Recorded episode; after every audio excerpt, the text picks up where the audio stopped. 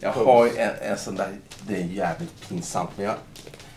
Vad hette han? Björn Runge? Han gillar ju Ebba Forsberg. Ja. Så vi gjorde en sån här låt till en av hans filmer. Och det var en sån här långsam 7-8 minuters låt. Hon och Christer Karlsson spelade piano. Men det där var ju så meditativt. Och jag var så trött den dagen så jag somnade. Så vaknade jag av att Ebba under, under själva inspelningen, jag är producent där. Och vad tyckte du då? Jag, eh, du sov! Uh, förlåt, jag, jag var så himla trött. Jag, vi tar den en gång till. Ja, ja, kör en gång till. Nu ska jag verkligen koncentrera mig. Somnade direkt igen. Och Ebba bara, vad tyckte du då? Du somnade igen! Ja, men det är väl ett tecken på att det är bra. Det ska ju vara meditativt. Vi kör på det här. Om ni tyckte det var bra så kör vi på det här nu. Men jag sov genom inspelningen. Det är ganska nonchalant.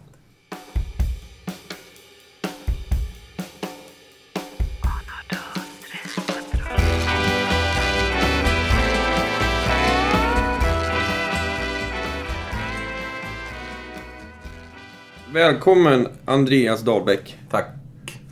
Det här är podcast Jag spelar för livet och vi träffar musiker och producenter och eh, människor inom musikgenrer som vi tycker är spännande och som vi gärna vill träffa. Och eh, idag är vi hos dig i din studio här. Ja. Välkomna. Tack. Vi brukar göra så att vi brukar dra några snabbfrågor så vi blir varma och sen så tar vi din story. Ja. Namn? Andreas Dahlbäck. Yrke? Eh, um, ja, mu- mus eller ja, musiker. Eller jag är är inte så mycket musiker längre. Jo, det är jag kanske. va? Ja. Ja, det är jag. Producent? Ja, producent ja. Ja, Manager har du varit? ja det har jag också varit ja. Är det något mer inom musik? Som... Nej, men jag mixar ju, mixar ju mer och mer. Ja. Faktiskt. Men sen är jag ju sån här eh, arg farbror på... Alltså jag har ju hyrt ut till folk i alla tider Ja. och hållit på med sånt. Ja. Mot min vilja, men, men för att det blir så. ja. Du går runt och bara, hyran? Ja, den får man aldrig. Nej. Nej. Så då tar du liksom mixerbordet för dem? Eller Nej, högtalarna? Nej, de... Men nej. Jag borde. jag gör inte det. Eh, Födelseplats? Katrineholm. I Sörmland? Ja. Eh, vad är ditt första musikminne som... Det blir ju alltså, em, eftersom jag är ju turnerande barn. Min pappa, trumslagare, kapten Dahlbäck, känd i sin generation. Mm. Men han hade band på 60-talet med Bernt Dahlbäck, komiker, och de hette Gå runt show. Så de var runt och spelade. Så jag turnerade redan då. Så ett av de tidigaste minnena jag har faktiskt är från en Pugh Rogefeldt-turné med Marie Bergman. 70... Jag gissar ju nu. Två. Mm. Och då är jag fem. Och då spelade de på Konserthuset i Stockholm. Ja. Och då fick jag sitta, då hade jag någon slags fetvadd som jag stoppade in. Jag fick av en vakt och stoppade in i öronen. Och sen så vet jag att konserten är slut och då går jag upp, för det hade pappa sagt åt mig att det var okej att jag gjorde det för att komma ner i logen. Sen var backstage då liksom. Och då passade jag på att spela lite på trummorna och då var det några som var kvar i publiken som skrek och tjo. Alltså 70-tals skönt. Ja, ja. Eh, Jag vet inte om det var så skönt, men det är min, tror jag, mitt första. Och då är jag kanske fem. Så första gigget är Konserthuset? Ja. ja. Det är ganska bra. Va? Nej. Ja, vi, vi säger så, för det låter Ja. jättebra. Eller? Ja, svårt att toppa det när du Jag har inte toppat den. Nej, du har inte Eh, Vad var den första skivan som, som du köpte för egna pengar? Oj, vad svårt. Jag tror att det Eva Dahlgren. Faktiskt. Jag tror att det är hennes första skiva. Jag var ju jättekär i Eva Dahlgren när jag var liten. Mm. Hon var inte så mycket äldre än mig faktiskt. Bara några år. Mm. Men eh, jag åkte in till Katrineholm och köpte hennes skivor när de kom. I stort sett på datumet. Och jag minns någon sån här, det här kan ju också bara, du vet minnet lurar en, men jag, jag kan komma ihåg 45 kronor. Det kanske var något pris för en LP-skiva då. Mm. Och hon var supersnygg. Hon så här röd kostym och lockigt hår. Och, oj, vilken pingla alltså. Ja. Och så sjöng hon bra och liksom. Ja, jag tyckte det var fantastiskt. Och henne lyssnade jag knarklyssnade jag på i många år. Det var jätte, jättebra. Det är underbart att höra. Jo. De flesta man intervjuat har ja, Kiss och Elvis. Liksom. Men du, Eva Dahlgren, det är underbart. Ja, jag köpte inga Beatles, inga Elvis-skivor. Vi hade kanske något, pappa hade kanske någonting sånt. Vad, vad, vad fanns det i liksom, pappas skivsamling som du rotade i? Han, nej, inte mycket jag rotade i, för han... Alltså, det är så här 70-tals... Då, patriarkat heter det va? Så att han bestämmer musiken. Ja, det är mossigt, men så var det då. Och han blev ju jazz... Han slutade spela rock, så han började spela jazz med Per-Henrik Wallin Trio. Och det var ganska jobbig jazz. Experimentellt, fort, stökigt. Så hemma lyssnade han på de krångliga styckena med Bela Bartok och Tchaikovsky. Alltså, musik jag tyckte var jobbig. Lite för högt också jämt. Eller snabb jazz, liksom. Som jag tyckte var bara jobbig. Ingenting för mig. Mm. Och så det, var, det, var, det var det som man hade i sin samling. Man hade mycket sån musik. Det fanns ju inte ABBA hemma hos mig. Det Nej. existerade ju inte. Det var ju liksom inte okej. Var det liksom djävulens musik? Typ? Ja, men jag tror det. Jag menar, han som sagt, han var med i Fläsket brinner tidigt 70-tal. Mm. Och det var ju, ni vet ju den här proggvågen. Mm. Nu var väl de faktiskt ganska bra på att spela. Men det fanns ju många där, Archimedes, Badkar, allt vad de hette, de kanske inte var så bra på att spela. Men alla skulle få vara med. Och i den, i den jämförelsen så blir ju ABBA-plattorna supertajta och slicka liksom. Det är klart att man avskyr det då. Mm. Men inte fan lyssnar jag på Archimedes badkar idag. Jag lyssnar ju på ABBA idag om jag lyssnar på Ja. de svensk från 70-talet. Ja, så bra. Ja, ja. Det är, Fantastiskt. jag har svårt att förstå varför folk var så arga på dem. eh, Liksom. Men Jag ja, tror det de var de. stod för något annat. De stod för att de ville göra hittar. Och det var inte okej. Mm.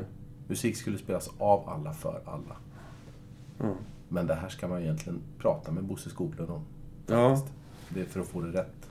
Ja, jag intervjuade ju eh, Nicke Ström som spelar med, Ja. med Nationalteatern. Han vet Och han sa när han kom med där, då fick han lära de andra hur de skulle spela i studion. Nu ska vi spela, då sätter du fingern där och så. Och så, Ja. och så gjorde de skivorna. Tills de då startade rockorkestern och där det var folk som kunde spela. Det är klart att det lät som det gjorde. Ja, Ja. så det är klart att det inte svänger om ingen kan liksom. Nej. Eh, Det, så är det ju. Eh, Men finns det någon mer musik förutom pappas musik och Eva Dahlgren som har format dig när du var liten? Liksom, som du... Alltså, det är ju polis. Jag var en Ah. enorm polisfan. Så att jag gillade Stuart Copeland förstås. Ja. Jag har ingen sån där creddig ingång via Dylan eller något sånt där, Utan jag lyssnade på polis. ja. Och vad var det du fastnade för? Han- Energin tror jag. Alltså, Ja. jag, tyckte att, eh, jag tyckte det var bra. Det är bra energi i deras musik ju. Mm. Och han är ju en väldigt bra trumslagare. Mm. Yvig och dan och jävlig och jobbig. Och, Mm. men fantastisk. Mm. Så det var någonting i det där. Och det fanns det även tyckte jag på första Eva Dahlgren-skivorna för att skicka en liten snäll passning nu till Rolf Alex som spelade Mm. i Wise Guys. Eh, jag gillade det som fan. Han hade ju lite sån, sån temperament men han var ju liksom stadigare och kanske bättre än Stuart Copeland egentligen. Okej. Men Stuart var ju, han, ja, han var ju stjärna liksom. Han var med i Polis. Han var med polis och Ja. eh, Rolf Alex var ju tvungen att vara sessionmusiker och hålla ihop det liksom. Ja. Men han var en grym trummis. Är en grym trummis. ja, jag har hört det från eh, så här, trummis-trummisar. De säger Rolf Alex, han- du måste prata med honom. Ja, han är grym. Det finns en, eh, på Youtube finns det en live med Eva Dahlgren som har kommit ut nu. Jag tror den är från 81. Och det är ingen lek så bra det låter om det bandet. Glenmark är med och spelar. Alltså det, är, det är fruktansvärt bra ja, det här. Det är ingen lek alltså. Fan vad kul. Ja, Redan 81 Titta liksom. på det. Ja, vi får, vi, vi får lägga upp, vi får ta in den låten i det här.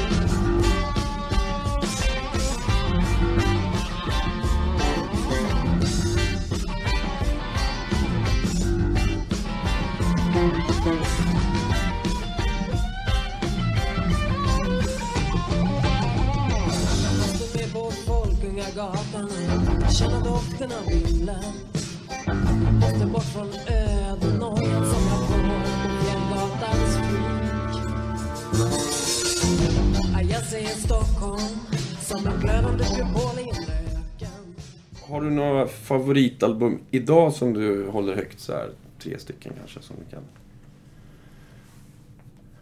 Som man Ja, liksom... du, ja okej då.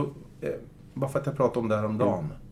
White Album med Beatles tycker jag fortfarande är så här så att jag vill lyssna på det. Jag har Mm. lyssnat på det som barn, jag lyssnar på det nu. Ehm, sen tror jag att jag... är Sånt där, det får ju bli lite, det blir ju lite nostalgi i sånt där. För Mm. det är först då man vet om de har hållit de här albumen. Man kan ju gilla Drakes sista eller något sånt där. Men vad fan tycker jag om det om sju år? Jag har ingen aning. Nej. Jag vet att jag tycker om Breakfast in America med Supertramp fortfarande. Tycker att det är fruktansvärt bra. Så det var väl det andra då.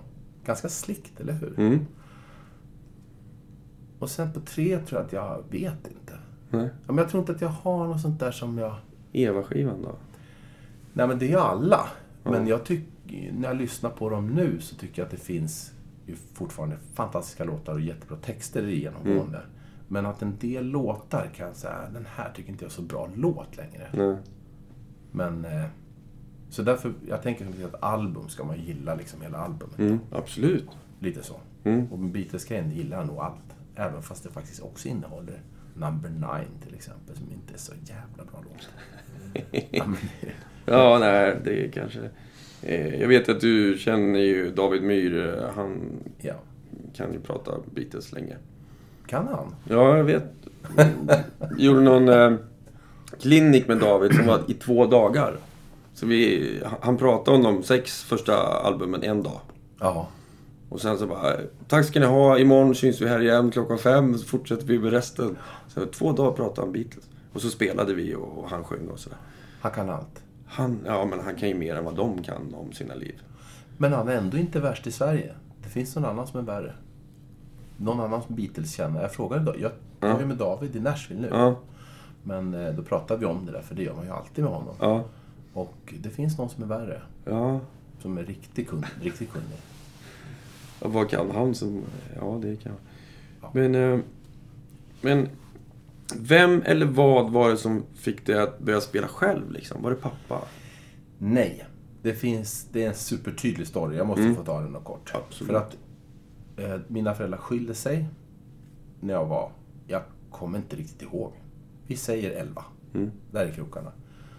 Och pappa flyttar till Stockholm och lämnar kvar ett par Ludwig-trumset. Ett av de här trumseten lånas då ut till en kille som heter Samuel Holvisalo, som har en blues-trio.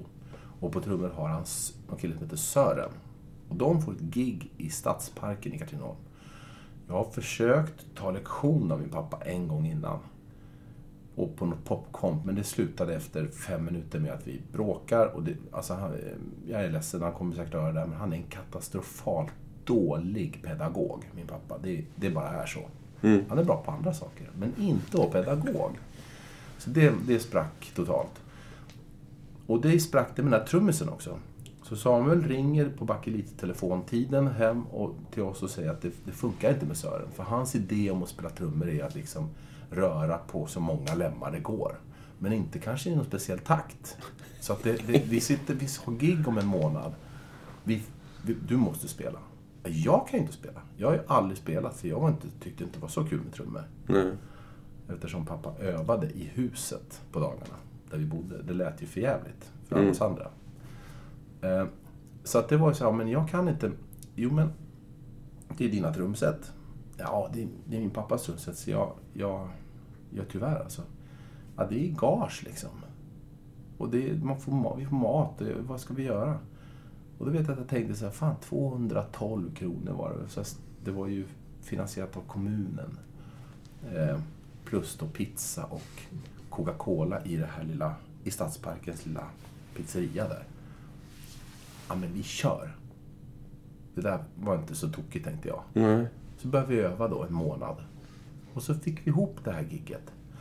Med den lilla grejen att jag har ju precis börjat spela trummor, jag får komma Mm. ihåg det. Men jag har sett min pappa spelat alla år. Så det gick ganska fort att liksom få det här att funka i alla fall. Men då sätter man ju upp dem som man ska ha dem alltihopa. Och så får man reda på av Stadsparken då att tyvärr så eh, är det bandet som spelar efter deras trumset som du kommer få spela på. Och jag tror att det var Aston Reimers rivaler. Ja, ja. Så den trummisen hade en timbale som sin första puka. Sen hade han en puka. Och sen hade han en golvpuka. Men om man spelar med trummor i en månad, då har man inövat precis hur man spelar. Och då kan man inte ändra. Så jag är 15 år, 16 år, 16, ja, något sånt där. Och går upp och jag skakar ju nästan sönder. Och sen så spelar man alla filen då. Stacka, tacka, dengen, dengen, po, po, po, po, po, po. Vad ska jag göra? ja, tänker på pizzan. Ja. Tänker på pizzan, tänker på Coca-Colan, 212 kronor. Håll ihop det nu för fan! Så blev det gig. Då var faktiskt min pappa där med Per-David Jonsson från Nature, basisten. Var han stolt då? Pappa? Det tror jag, men eh, han är inte kanske superbra på att visa sånt. Nej. Men det tror jag nog att han var. Och fortsätter du spela med det här bandet, den här trion? Ja, vi spelar ju ett tag till. Eh, Till jag kommer in på... Ett par år till. Då kommer jag in på, på Svalöv Skåne. Och då flyttade jag till Skåne. Och sen har jag aldrig varit i Katrineholm igen, typ. Nej. Och då eh, läste du till att spela trummor då, eller? Ja, det var, tru- jag kom in på trummor. Mm. Fast jag, alltså, jag var ju... Jag sög ju som trummis. Jag var ju jättedålig. Mm. Alltså, Du hade ändå erfarenhet av turné. ja, och jag hade ändå Turnerande giggat- musiker. ändå giggat på feta ställen. Ja, ja. Nej, men jag var dålig på instrumentalist. Jag kom in på musikalitet kanske, ja. Och att jag ja, tjatade mig in, tror jag. Mer eller mindre tjatade mig in. Det är bra gjort. Ja, men det funkar ju. Ja. Det är synd att man inte förstår det först ganska sent i livet. Att tjat, det kommer man jävligt långt på. Det gör man. Ja. Vad trevligt att kunna tjata. Ja. ja men det har ju tagit dig eh, jättelångt. Ja, hit. Ja. Du ser ju. Du sitter i världens största källare med alla instrument i hela världen. Eller hur? Eh, hur länge går man på Svalöv? Man går två år. Det är gymnasiet då? Nej, eller, det musik, det är eller inte. högskola? Eller? Ja, mo- folkhögskola. Folkskola. Ja. Något sånt där. Jag hoppade av gymnasiet. Jag har inte gått färdigt. Nej, Jag har ingen gymnasiekompetens. nej. Men det gick bra ändå. Ja, det får- vi väl se. Ja, du får se Inte sen. över än. inte- Vi kan väl träffas om fem år igen. Ja, hur gick det? Men eh, hoppar du med något annat band då i den här Svalöv? Då, när man går i såna här skolor då brukar man ju träffa folk och starta band och sådär. Gjorde du det? Det gjorde vi nog. alltså vi... Men jag var ju då... Alltså, de tog in... Klassen bestod av... Man, man, man satte ihop så man fick grupper. Mm. De hade fyra trummisar, fyra basister, fyra gitarrister, fyra keyboard och så fyra som sjöng eller sånt där. Mm. Och det var då fem. Ja, det blev 20 pers. Och sen så hade jag, stod jag som första reserv. Och så ringer man och tjatar ett helt... Ja, från insökningen då i mars-april till i september. Mm. Så fick jag ta på den här Roger där nere som sa att det var en fredag, kan du komma på måndag? Vi har faktiskt fått en vakans. Och då blev jag femte trummisen in. Och jag är ju inte... Jag förstår ju att de måste ha bara tänkt att det är, det är egentligen dåligt att ta in en trummis. Ja. Blir det vakans så tar man ju in de blåsare något så att grupperna funkar. Ja. Nu får vi en femte trummis så spricker egentligen alltihopa. Hur ska de få ihop sina samspelslektioner och allting? Jag kom nog in för att jag helt enkelt tjatade mig in. Men väl där så var det ju fyra trummisar som var mycket bättre än mig. De var ju mycket bättre än vad jag var. Ja. Så jag... Jag tror att jag hamnade i något band där, men... Men jag, alltså jag, jag, jag upplevde det nog som att jag var lite offside där, för att jag, jag var för dålig helt enkelt. Ja. Det var, det var ju, jag började ju där, kan man säga. De andra hade ju några år i ryggen. Så jag, jag, har, jag tror inte att det blev något band för mig förrän jag kom till Stockholm. Faktiskt. Det var då jag satte igång. Vad hände då, då när du kom till Stockholm? Ja, men då, då, jag flyttade upp när jag var precis efter skolan. Det hade jag redan bestämt mig för innan. Det var inget, ingen diskussion. Jag gillade inte Malmö. Och då hade jag sån jäkla tur så att jag lärde känna en kille som heter Patrik. Som var i min ålder, saxofonist. Och Han kände till min pappa och han satte ihop ett band. Jag blev med som trummis. Fast på min pappas namn skulle jag tro. Och I det bandet fanns en kille som hette Magnus Bank. Han ringde då på sommaren och sa, vi, vi hade bara träffats några gånger som jag minns det. Då ringde han och sa, kan du haka på en, en, en turné i höst med Riksteatern? Och det är, så här, det är ju det är toppen, det är ju hela hösten liksom. Mm. Man sa att ja, det är klart. Med den lilla, lilla grejen då att det var som keyboardist. Och jag kan inte spela keyboard. Alltså jag kan fortfarande idag ytterst lite. Nu, nu tänker ni kanske, ja, vi förstår, han kan spela sig igenom en låt. Nej, jag kan inte det. Jag kan alltså inte spela mig igenom en låt. Jag, är, jag kan inte spela keyboard. Punkt. Kunde ännu mindre då kan jag säga. Men jag hakar på i alla fall. Eftersom jag funkar. Jag säger ju aldrig nej till någonting. Nej. Det är bara, ja det är klart som fan vi gör det. Repa lite över sommaren där på... vå- I, nå- vi, vi håller på med musikrep och Magnus förstod ju snabbt att okay, han kan ju ingenting. Och det måste ju han som skrev musiken också. Jag tänkte att herregud, och vi har ju redan kontrakterat honom. Så att ja, vi får hitta på något. Sen så har vi uppspelning med ensemblen för första gången. Vi har inte träffat dem. Nu ska vi sätta ihop det, känna lite grann på hela föreställningen. Och det var Faust på vers för, för barn. Unga Riks var det här. Ja, det var ju så dålig idé, ni hör ju själva. Ja. Efter föreställningen, jag har ju, ni får tänka på att jag har ju panik hela föreställningen. För jag skakar ju bara. Jag är så nervös eftersom jag inte kommer kunna spela någonting. Jag har noter framför mig som mest är en massa svarta prickar. Och jag liksom lägger händerna på tangenterna och trycker aldrig ner något.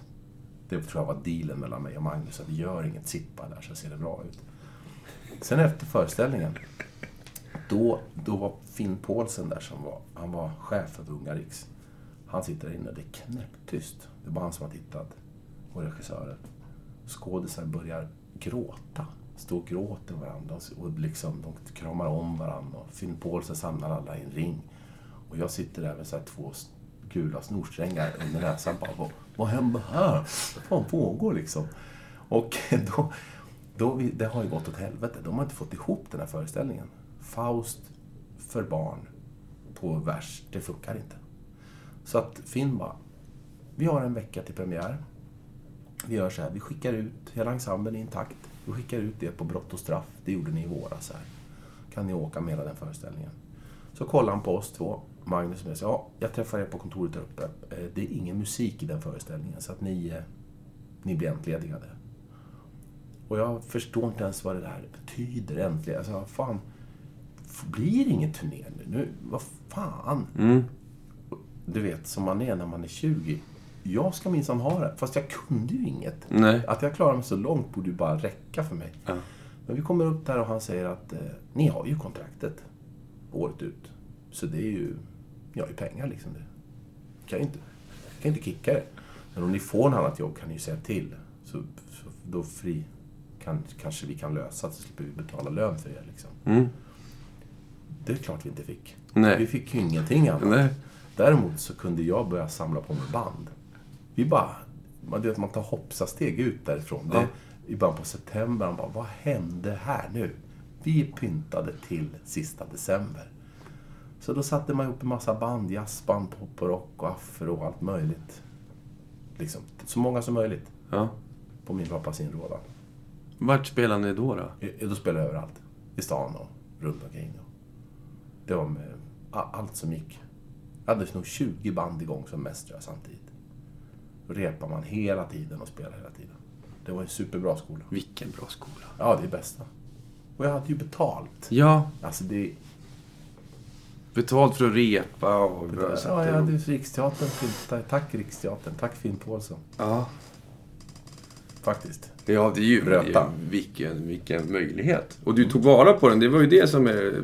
Ja, visst. För många hade ju fikat. Nej, för fan. Hatar fika. Ja, men de hade ju bara, fan inget gött, nu fikar vi, dricker Ja, folköl liksom. Det är inte min grej. Nej. Och eh, blev det något med något av de här 20 banden som... Nej. Nej. Nej, det, vad som blev var att jag blev ju liksom bred.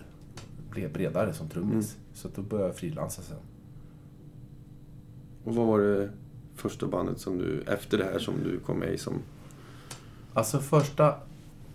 Ett av de här banden blev, hette Jedidja på den tiden. Som sen hette Black Reno. När jag hade hoppat av.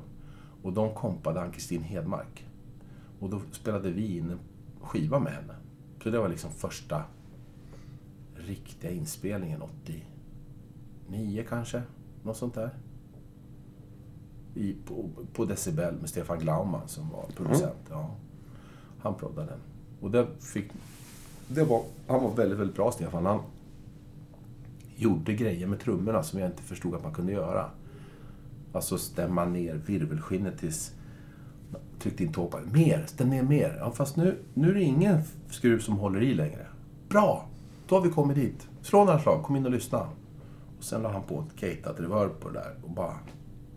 Okej, det där instrumentet genom en mikrofon kan bli jävligt coolt. Där Mm. jag sitter och lyssnar låter det bara jättedåligt. Mm. Men det, det tror jag väckte upp någon slags... Det där vill man hålla på med någon gång.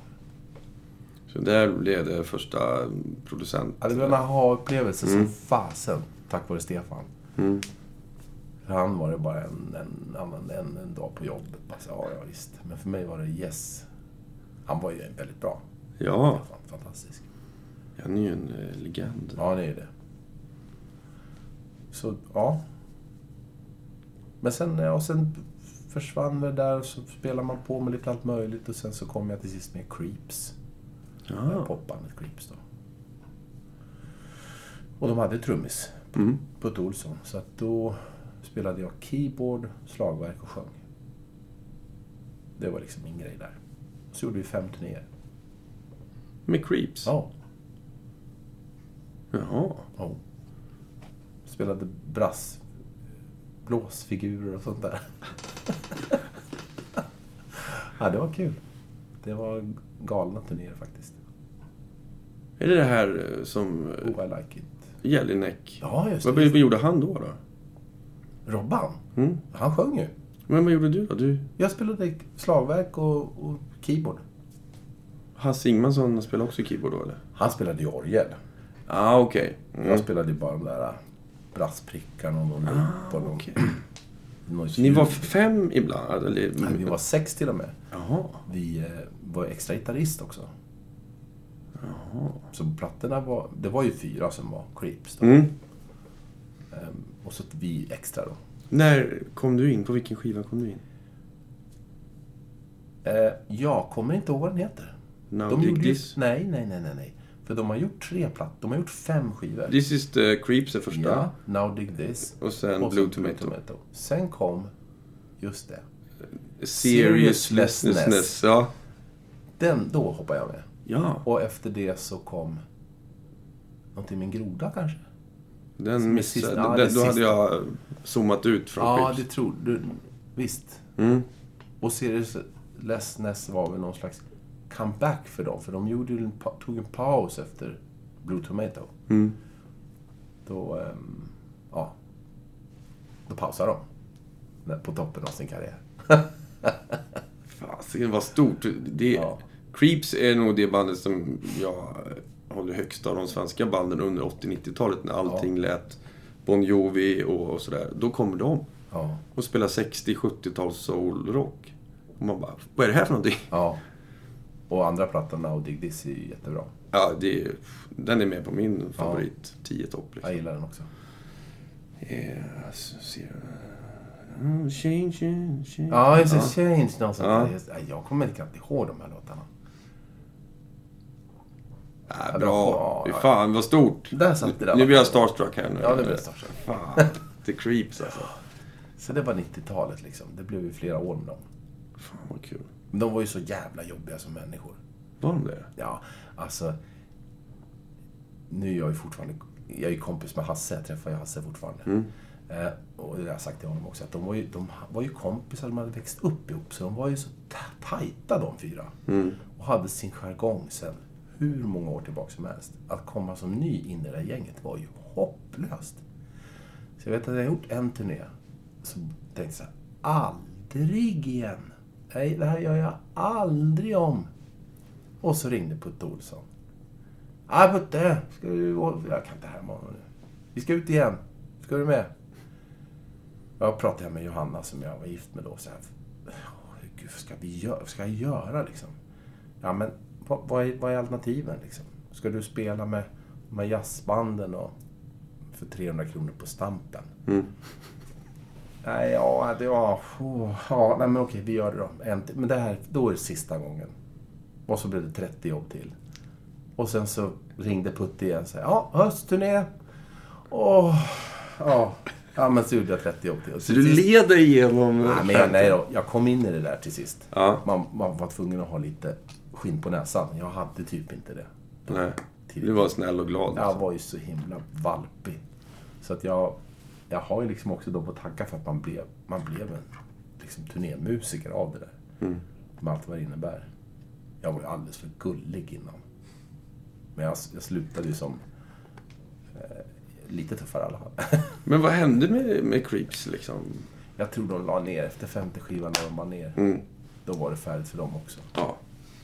Och sen har de ju, alltså Hasse bor i Stockholm nu och Mm. han är ju regissör och, och nästa onsdag är jag ju med på, eh, på eh, Norra Brunn. Och gör ju stand-up alltså. Jättebra. Så jag går och kollar på honom. Jaha. Mm, ja, skitbra. Och sen har jag varit med, har jag med och jobbat på 100, uppföljaren till 100-åringen. Jag tror att de är på första också. Just det. Och det gjorde vi lite musik till det också. Ja. Spela in lite här. För jag ringde honom en gång. Vi, vi behövde en keyboardist och så fick jag, eller en som spelar orgel. Så ringde jag honom. Så här, hej. Han bara, nej men jag är ingen musiker. Jag, jag kan Nej. inte. Nej, Jag bara, jo men jag, jag vet ju att du kan. Han bara, nej. jag, jag tror att Hasse har rätt. Ja. Jag tror att han ska bara... Han råkar komma med det coolaste svenska bandet genom alla tider. Han ska aldrig gå tillbaks till det där. Nej. Om, om, det, om inte de gör en reunion-grej.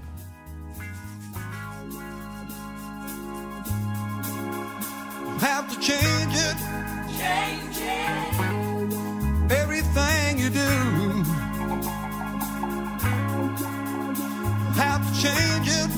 Change it. Everything you do.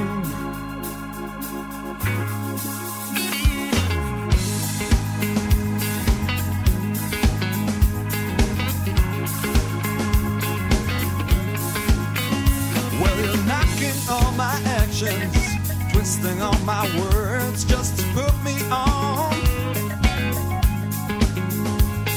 Don't give me this impression, it's not what I deserve. You're doing me wrong.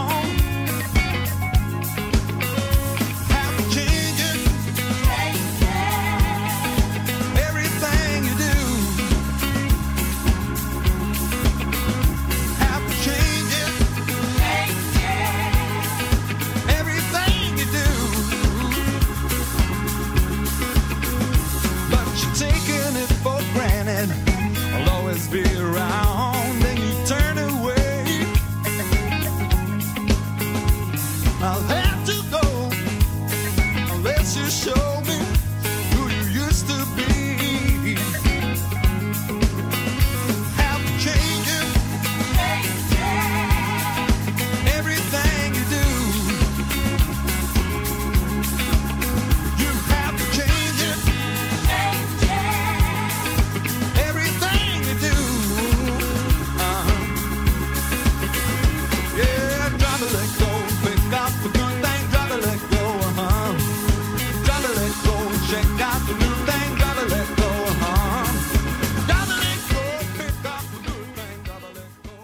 som har inspirerat dig till att eh, hålla på med det du ändå håller på med? Det, det, det är ingen 9-5 jobb, det är ingen så ekonomisk trygghet någonstans. Det är liksom...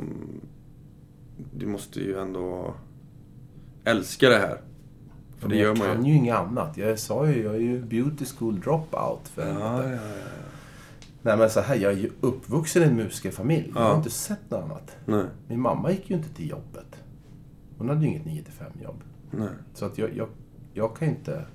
Jag tänker på alla andra som spelar som har haft föräldrar som har jobbat som vanligt. Vilken, vilken grej att ta sig ut ur det. Mm. För, för mig var det, så här ser det ut.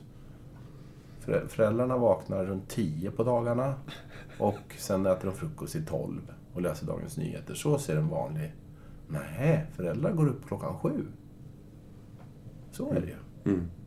Men om man hade sett det så finns det ju, har man ingen option. Fan vad underbart. Ja, det vet i fan. Men det, det gör ju att jag gör det här. Mm. Om du inte gjorde det här, vad- skulle du kunna tänka dig jobba med?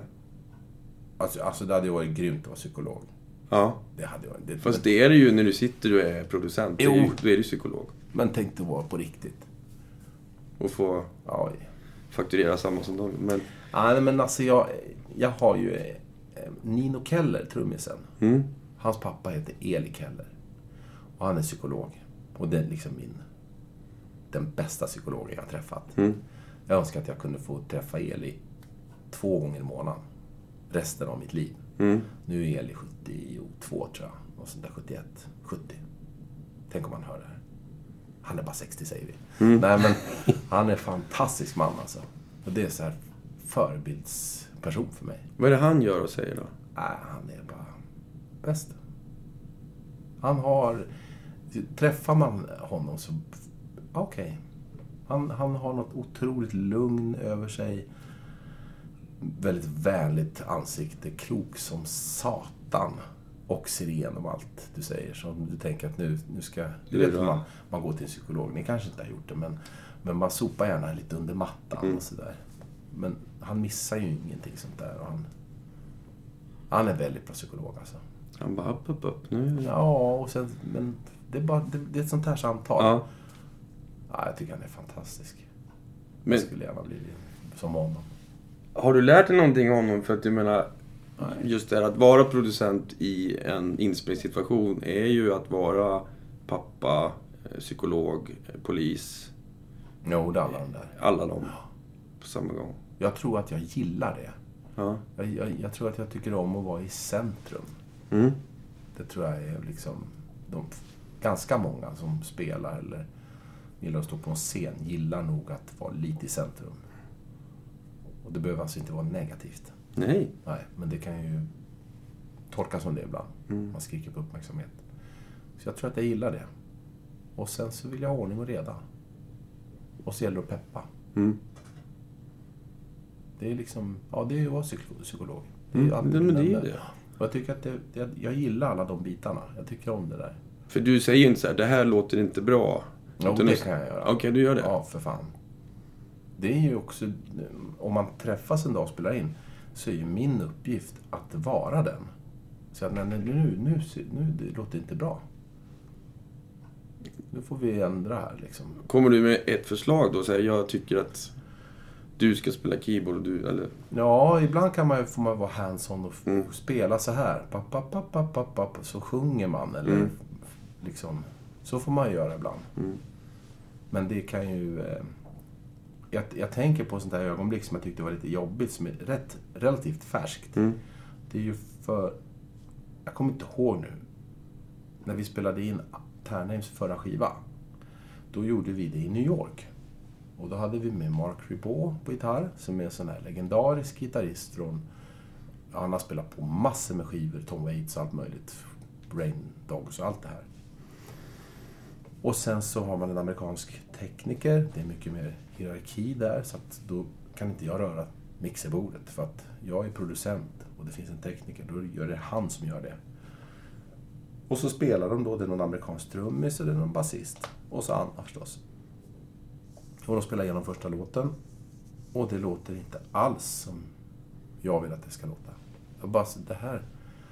Och naturligtvis efter tagningen så hör man då genom mickarna där klingat ut Awesome! Ni vet ju hur amerikaner är. Det, det är liksom, det är aldrig dåligt. Det är, är great, awesome, amazing playing, bla bla. Och där står jag och så här. Okej, nu ska jag då, svensk, på lite skön home English. Press the bottom. Hey, I can't. Oh, he has to do it. Ja, och så... Ja, ja, jag, jag, jag, nej, jag, jag tycker vi ska testa en annan väg här. Liksom. Det här var inte... Och försöka vara peppande när hela rummet har exploderat. Och, inte Anna kanske. Nej. Men, men de andra tre amerikanerna är bara så här. We nailed it. nej, nej det, det gjorde ni inte. Ni var faktiskt på en annan planet. Ni, ni, ni, det är bara att hoppa på rymdfärjan och kör med mig nu för det. Och då får man ju styra om. Då får man gå in och vara en tråkig... Nej, det här var inget bra. Hur löste du det? Nej, men det, jag är inte så bra på engelska. Så att jag, var tvungen- jag kan inte prata med talkback, så man får gå in och titta dem i ögonen och liksom spela lite så här på bas. Och, Mark, kan du vara lite så här? Och så, så testar vi en annan väg bara. Det där var ju grymt, säger man. Men vi kan väl testa en annan väg också. Bara för att, liksom. Och sen en timme senare så har man det man vill ha. Köpte de det då? Ja, det är klart. Jag bestämmer ju. Alltså, det är också som de funkar. Nu, där, Nu är de- producenten här. De tyckte väl att jag var en tomte förstås. Men det, Mark Ribot har ju jobbat med alla de stora, så att han, han kan väl inte... Men han, de vet ju hur spelet är. De är hired hands liksom. De är hired guns, ja. Och nu kommer han som bestämmer, så då rättar vi oss. Men det- just det där draget har lite svårt för. Jag tänkte på det nu när vi var i Nashville här. Att de säger... Eh, nu ska... Vi, vi ska... Det, det är för... Eh, vi ska ta på oss kläder för den här intervjun. Och så du har valt dina och jag kommer in och så kollar jag på dig och så säger jag awesome, säger jag. That looks awesome. Sen kommer det så här. "Mm, You could try another shirt. Ja, men då, då var det ju inte awesome. Nej. Och sen faktum är kanske, kanske testa på andra byxor. Men jag menar, det är grymt. Men, ja, men då är det ju inte grymt. Kan du inte bara säga då först att, måste vi först gå igenom det här ryggdunkandet? Att Ja. Du är så duktig så, du är så himla duktig. Men, jag tycker bara det, så jag, jag, jag, jag blir allergisk mot sättet att prata. Prata rakt ut vad du vill. Det där, ja, ni vet vad jag menar. Ja, ja, jag ja, tycker det är asjobbigt. Men det är så de är. Det är så de är. Ja. Men det innebär också att det första folk säger betyder ju aldrig någonting. Nej. Och då börjar jag tänka så här, vad betyder någonting som du säger överhuvudtaget då?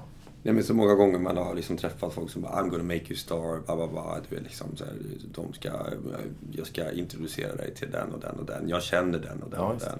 Och så kommer man fram till att de kände någon trädgårdsskötare till den personen som... Men alltså, så. Men de kan ju inte bli arga på det, för de måste ju vara också sinsemellan så här, det här vet jag inte betyder något. Nej. Och jag ska, nu ska jag köra min grej till dig som inte heller betyder något. Sen kanske vi kan lära känna varandra lite grann. Mm. Och jag skulle bara, jag, åh, kan inte bara, vi hoppar över hela den där. Ta bort det där. Mm. Jag tror inte att jag kan flytta dit. Jag tror det spricker för min del på det där alltså. Fast du kan ha ett litet eget Dahlbäck... Ja, ja, ja här, pratar, Dahlbäck Center. här, här pratar du sitter rakt. precis. i hela handen ja. hela tiden. Ja, ja, ja. You play the drums, you play the ja, bass. Visst. Du sa sig. Ja, det är underbart. Men vad tyckte du om liksom Nashvilles eh, musikscenen? Tyckte du om den? Alltså, Ja, jag är ingen countrykille, vet du. nej. Så att vi, nu eh, var vi hos den här Brad Jones, som han heter, producenten. Ja, han var väldigt bra. Han hade jättebra musiköron, liksom. Och så lite allmän musiker, så där, att han spelar lite vibra och några pianotoner och lite bas. Vad som behövs. Ingen spjutspets på någonting, men, men good enough, liksom. Mm. Men jättebra öron. Och så hade vi då Pat Buchanan på gitarr. Som är, mm, vad jag förstår, lite halvlegendarisk där och har spelat med en otrolig massa. Och han var skitbra gitarrist. Så mjuk och fin handled och svängigt och bra timing och easy going. Mm. Verkligen. Supertrevlig. vad kul att höra, för att det är ofta man har träffat så amerikanska musiker och de är så upphaussade. Och så när man har hört dem spela eller se dem så kan man säga, men jag, jag känner tio som kan göra det bättre. Ja, alltså nej, Pat Buchanan tyckte jag var skitbra gitarrist. Det, Mm. det var... Kul! Ja, han, han... Det går inte tio på dussinet på honom. Nej. Så kan man inte säga tror jag riktigt. Nej, men alltså, du vet- Jag förstår, det var en konstig svenska. va? Nej men, eh, jag förstår vad du menar. Alltså när man ser så här, om man har spelat i så här sammanhang så kommer så amerikanska band som är jättestora, jättebra, de spelar överallt. Och så, när man ser dem spela så ja men det var bra, men jag känner några andra band som spelar, alltså som är, kör över dem. I rent, för svenska musiker är väldigt, väldigt bra. Ja, Alltså internationellt sett. Det kan man inte ta ifrån dem. Eller oss. Nej, men eller de det- svenska musikerna. Alltså. Det tror jag sen när man satt med, med Mark Ribot, som ju är den här legendariska Mm. gitarristen, som alla gitarrister vet vem det är. Han är ju kanske nästan lite mer konstnär än gitarrist. Eh, och sådana går det ju inte för många. Nej, de. Nu funkar det sig. Men, men då, då har man ju till exempel, ja, jo, han, Johan Lindström som delade här i studion då förut. Han är också väldigt, han är ju nästan mer konstnär än gitarrist. Mm. Och han är ju flinkare än Mark då också. Mm. Så att visst, då, då har vi en... Och det finns andra också. Men, men han har gjort de där plattorna. Han Ja, har ja. gjort Rainbow. Det är därför man blir så här, wow, han måste vara så bra. Men det finns folk i det här landet som... Jag menar, var, var skulle Ola Gustafsson ha hamnat? Om han hade flyttat till USA. Mm. Ja, Ja, eller nästan alla de där. Ja, det är så många. Det är nästan inte en mening att nämna någon, för det, det, det är hö, hög standard. Ja. Eh, Det är pep, Pepsland det här. Ja, men precis. Är det några länder som du eh, har kollat in extra, den musiken som kommer därifrån? Eller har du liksom... Till exempel Nashville eller Nej. USA eller nej. Kuba Nej. eller Afrika? Nej. Nej, jag Nej. fick ju mitt Afrika via Ann-Kristin Hedmark där. Ja, just det. Hela, hela det bandet. Mm. Nej, jag har aldrig varit... Eh, det är väldigt många som har lyssnat på de här stora amerikanska, alltså Dylan och, och gått igenom allt det där. Mm. Jag har ju började med det assent. Eh, Och aldrig varit någon... Jag tycker att han är jättebra. Men jag har aldrig, det har aldrig varit... Det amerikanska, lite bredbenta, har aldrig riktigt varit min grej. Mm. Faktiskt. Jag tycker att det är jättebra. Mm. Petty och allt det där. Det är skitbra. Men jag, det har aldrig varit min grej riktigt. Jag tycker att jag är ganska bra på att spela Tom Petty-trummor. Mm. Så här långsamma, tunga. Ja. Men jag har aldrig, det har inte varit min grej att lyssna in mig på sånt där. Så jag, har aldrig, jag tror inte att jag har... Ja, jag, som, jag, som jag funkar med allting. Mm. Jag djuplodar aldrig på någonting. Nej. Jag bara jag skrapar på ytan på hundra olika saker. Så funkar jag. Men du, du spelar ju med Ulf Lundell. Ja, just det. Det är ju ganska bredbent rock. Ja, och jag hade aldrig lyssnat på Ulf innan. Hur fick du det gigget då? Han ringde. Ringde, och, tror det var 8 mars 2003. Jag kommer ihåg, jag hade precis målat min första tavla. Eh, av penslar och duk jag hade fått av en tjej jag blev tillsammans med. Mm. Så att det var en bra dag. Så jag målade den och satt på min balkong och huttrade lite i så här vårsol och någon, någon filt runt mig. Och så ringde telefon. Och Ul- Ulf, då ville han träffas. Och jag hade väntat på det samtalet, ärligt talat. För alla runt omkring, Jerker Roderholm och, och folk som jag spelade med. Jag spelade ju med Olle Ljungström på 90-talet. Ja, ja, ja. Så att då, redan då började folk säga att ja, men då kommer du att spela med Ulf snart. För han plockar alltid folk ifrån Olles band. Jag vet inte om han har gjort det medvetet eller bara det har blivit så kanske. Jag tror inte att, jag, jag tror inte att han lyssnar på Olle Ljungström. Faktiskt. Och skulle kolla in musiker. Jag tror att han bara har frågat musikerna i sin närhet. Vem tycker ni ska spela trummor? Eller Mm. bas? Och då man ju, rekommenderar man ju de man jobbar med. Mm, så är det ju. Så är det ju. Så att eh, jag, jag, var, jag var inte chockad. Men det var kul. Men eh, du hade knappt hört honom? Hur- Nej, nej, nej, nej. nej. Det var inte, det, det var inte min grej. För bredbent. Hur funkar det? Springsteen har aldrig funkat på mig. Det är ju underbart att du hade fått gigget så här. Ja, men, Sa du det här till honom så här, men det är inte min grej det här, men jag kan väl vara med lite? nej, så... eh, Om jag får 212 om, kronor. Om, då får jag 212 kronor och pizza, så jag med. Calzone. Ja. Nej, men jag kan ha varit ganska öppen med honom. Det kommer jag inte ihåg. Och det tror jag inte ens att han kommer ihåg heller. Vi sågs hemma hos honom. Jag brukar inte vara så... Jag, jag vet att jag mörkade en... Jag kom ju upp till Ulf.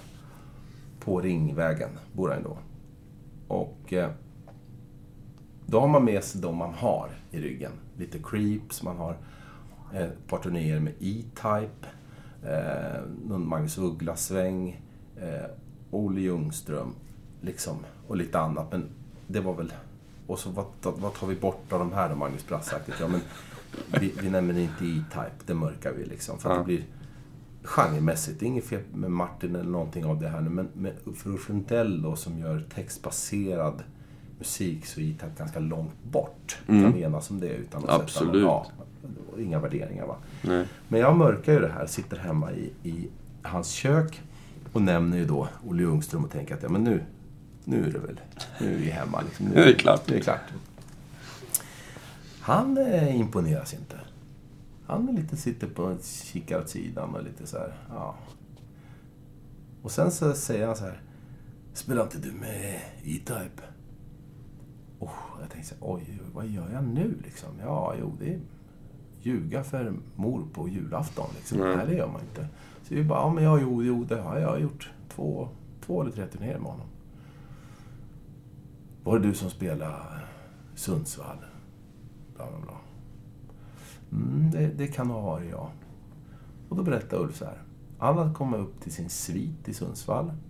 20, det här kan ha varit 99 eller 2000. Jag spelade med Martin och det var, då var ju Martin jättestor.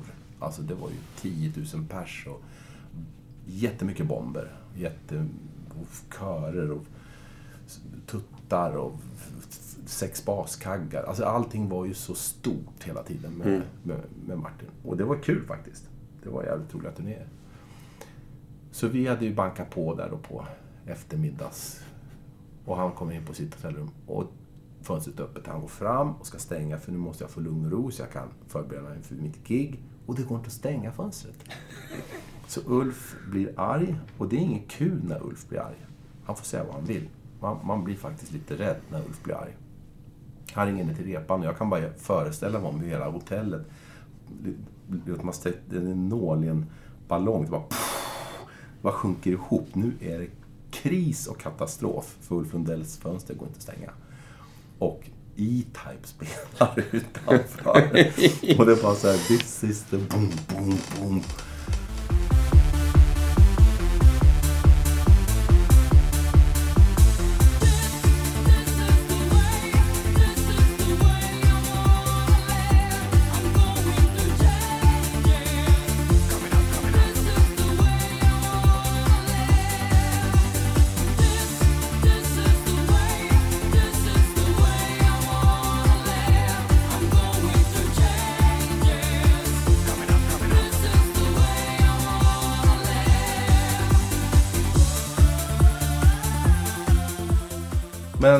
Finns inga som kan hjälpa, för hela hotellet är fullt med artister och det är, han får inte, det kommer ingen. Och han sa bara, ja men jag får sitta och titta på det här jävla, se vad det är då för någonting. Vad är det här för någonting? Och ser ju alla de här bomberna. Och Ulf gillar ju show. Han är om man sett Ulf Lundell så förstår man ju det. Han är ju skitbra på att showa. Han är ju en av de bättre tycker jag faktiskt på det. Snacka med publik och få igång en kontakt. Han är asbra på sånt. Och Martin är också bra på det. Sen har han en helt annan typ av musik. Och så hade han en galning på trummor som spelade ashårt och fort och slog på allting hela tiden. Och det var ju jag. Så det tyckte han, det där var ju bra. Honom ska jag ha någon gång. Så jag fick liksom kicket på grund av Ida. Du ser. Ja, jag ser. Eller hur? Man ska, det var, ja, Man ska ta alla gig. Herrens vägar och allt det där. Vet du. Ja, ja, ja, ja, ja. Men det hade jag aldrig trott. Att det var det man skulle ha nämnt först. Nej, nej det är inte jag heller. Nej, eller hur? Men hur, hur fick du börja hårdplugga hans katalog då, eller? Nej, det gjorde jag inte. Ja, vi fick en låtlista vad vi skulle spela och sen fick man ju lära sig den. Och sen så har det blivit mer för varje år som har gått. Mm. Vi spelat ihop i 13 år. Det är ju väldigt många år. Så nu kan man ju väldigt många låtar. Om han skulle få för sig att åka ut och spela igen. Mm. Men det gör han ju ibland. Det får vi se. Han har ju sagt att det inte ska bli något mer. Han också. Jag hade ju det året jag spelade med, med Lemark på hans sista spelning. Och på nyårsafton så gjorde Ulf sin sista spelning. Jag tänkte, vad är det? Är det något jag utsöndrar eller? är det så jävla tråkigt att spela med mig så de lägger av? Men jag ska säga bara så här att jag har ju verkligen på grund av åren med Ulf har jag ju lärt mig lyssna på dels Ulf förstås. Det finns ju jättemycket asbra musik. Och eh, Springsteen, som jag aldrig lyssnat på innan. Och i och med det sen så föll Dylan dit och så kom liksom allt det där andra också. Men eh, han blev öronöppnaren för mig på den här musiken. Det lyssnades helt enkelt aldrig på sån musik hemma. Nej. Det, fann, det fanns, jag, har, jag hade inte med mig någonting. Inga föräldrar som aldrig att min pappa skulle lägga på Springsteen-låt.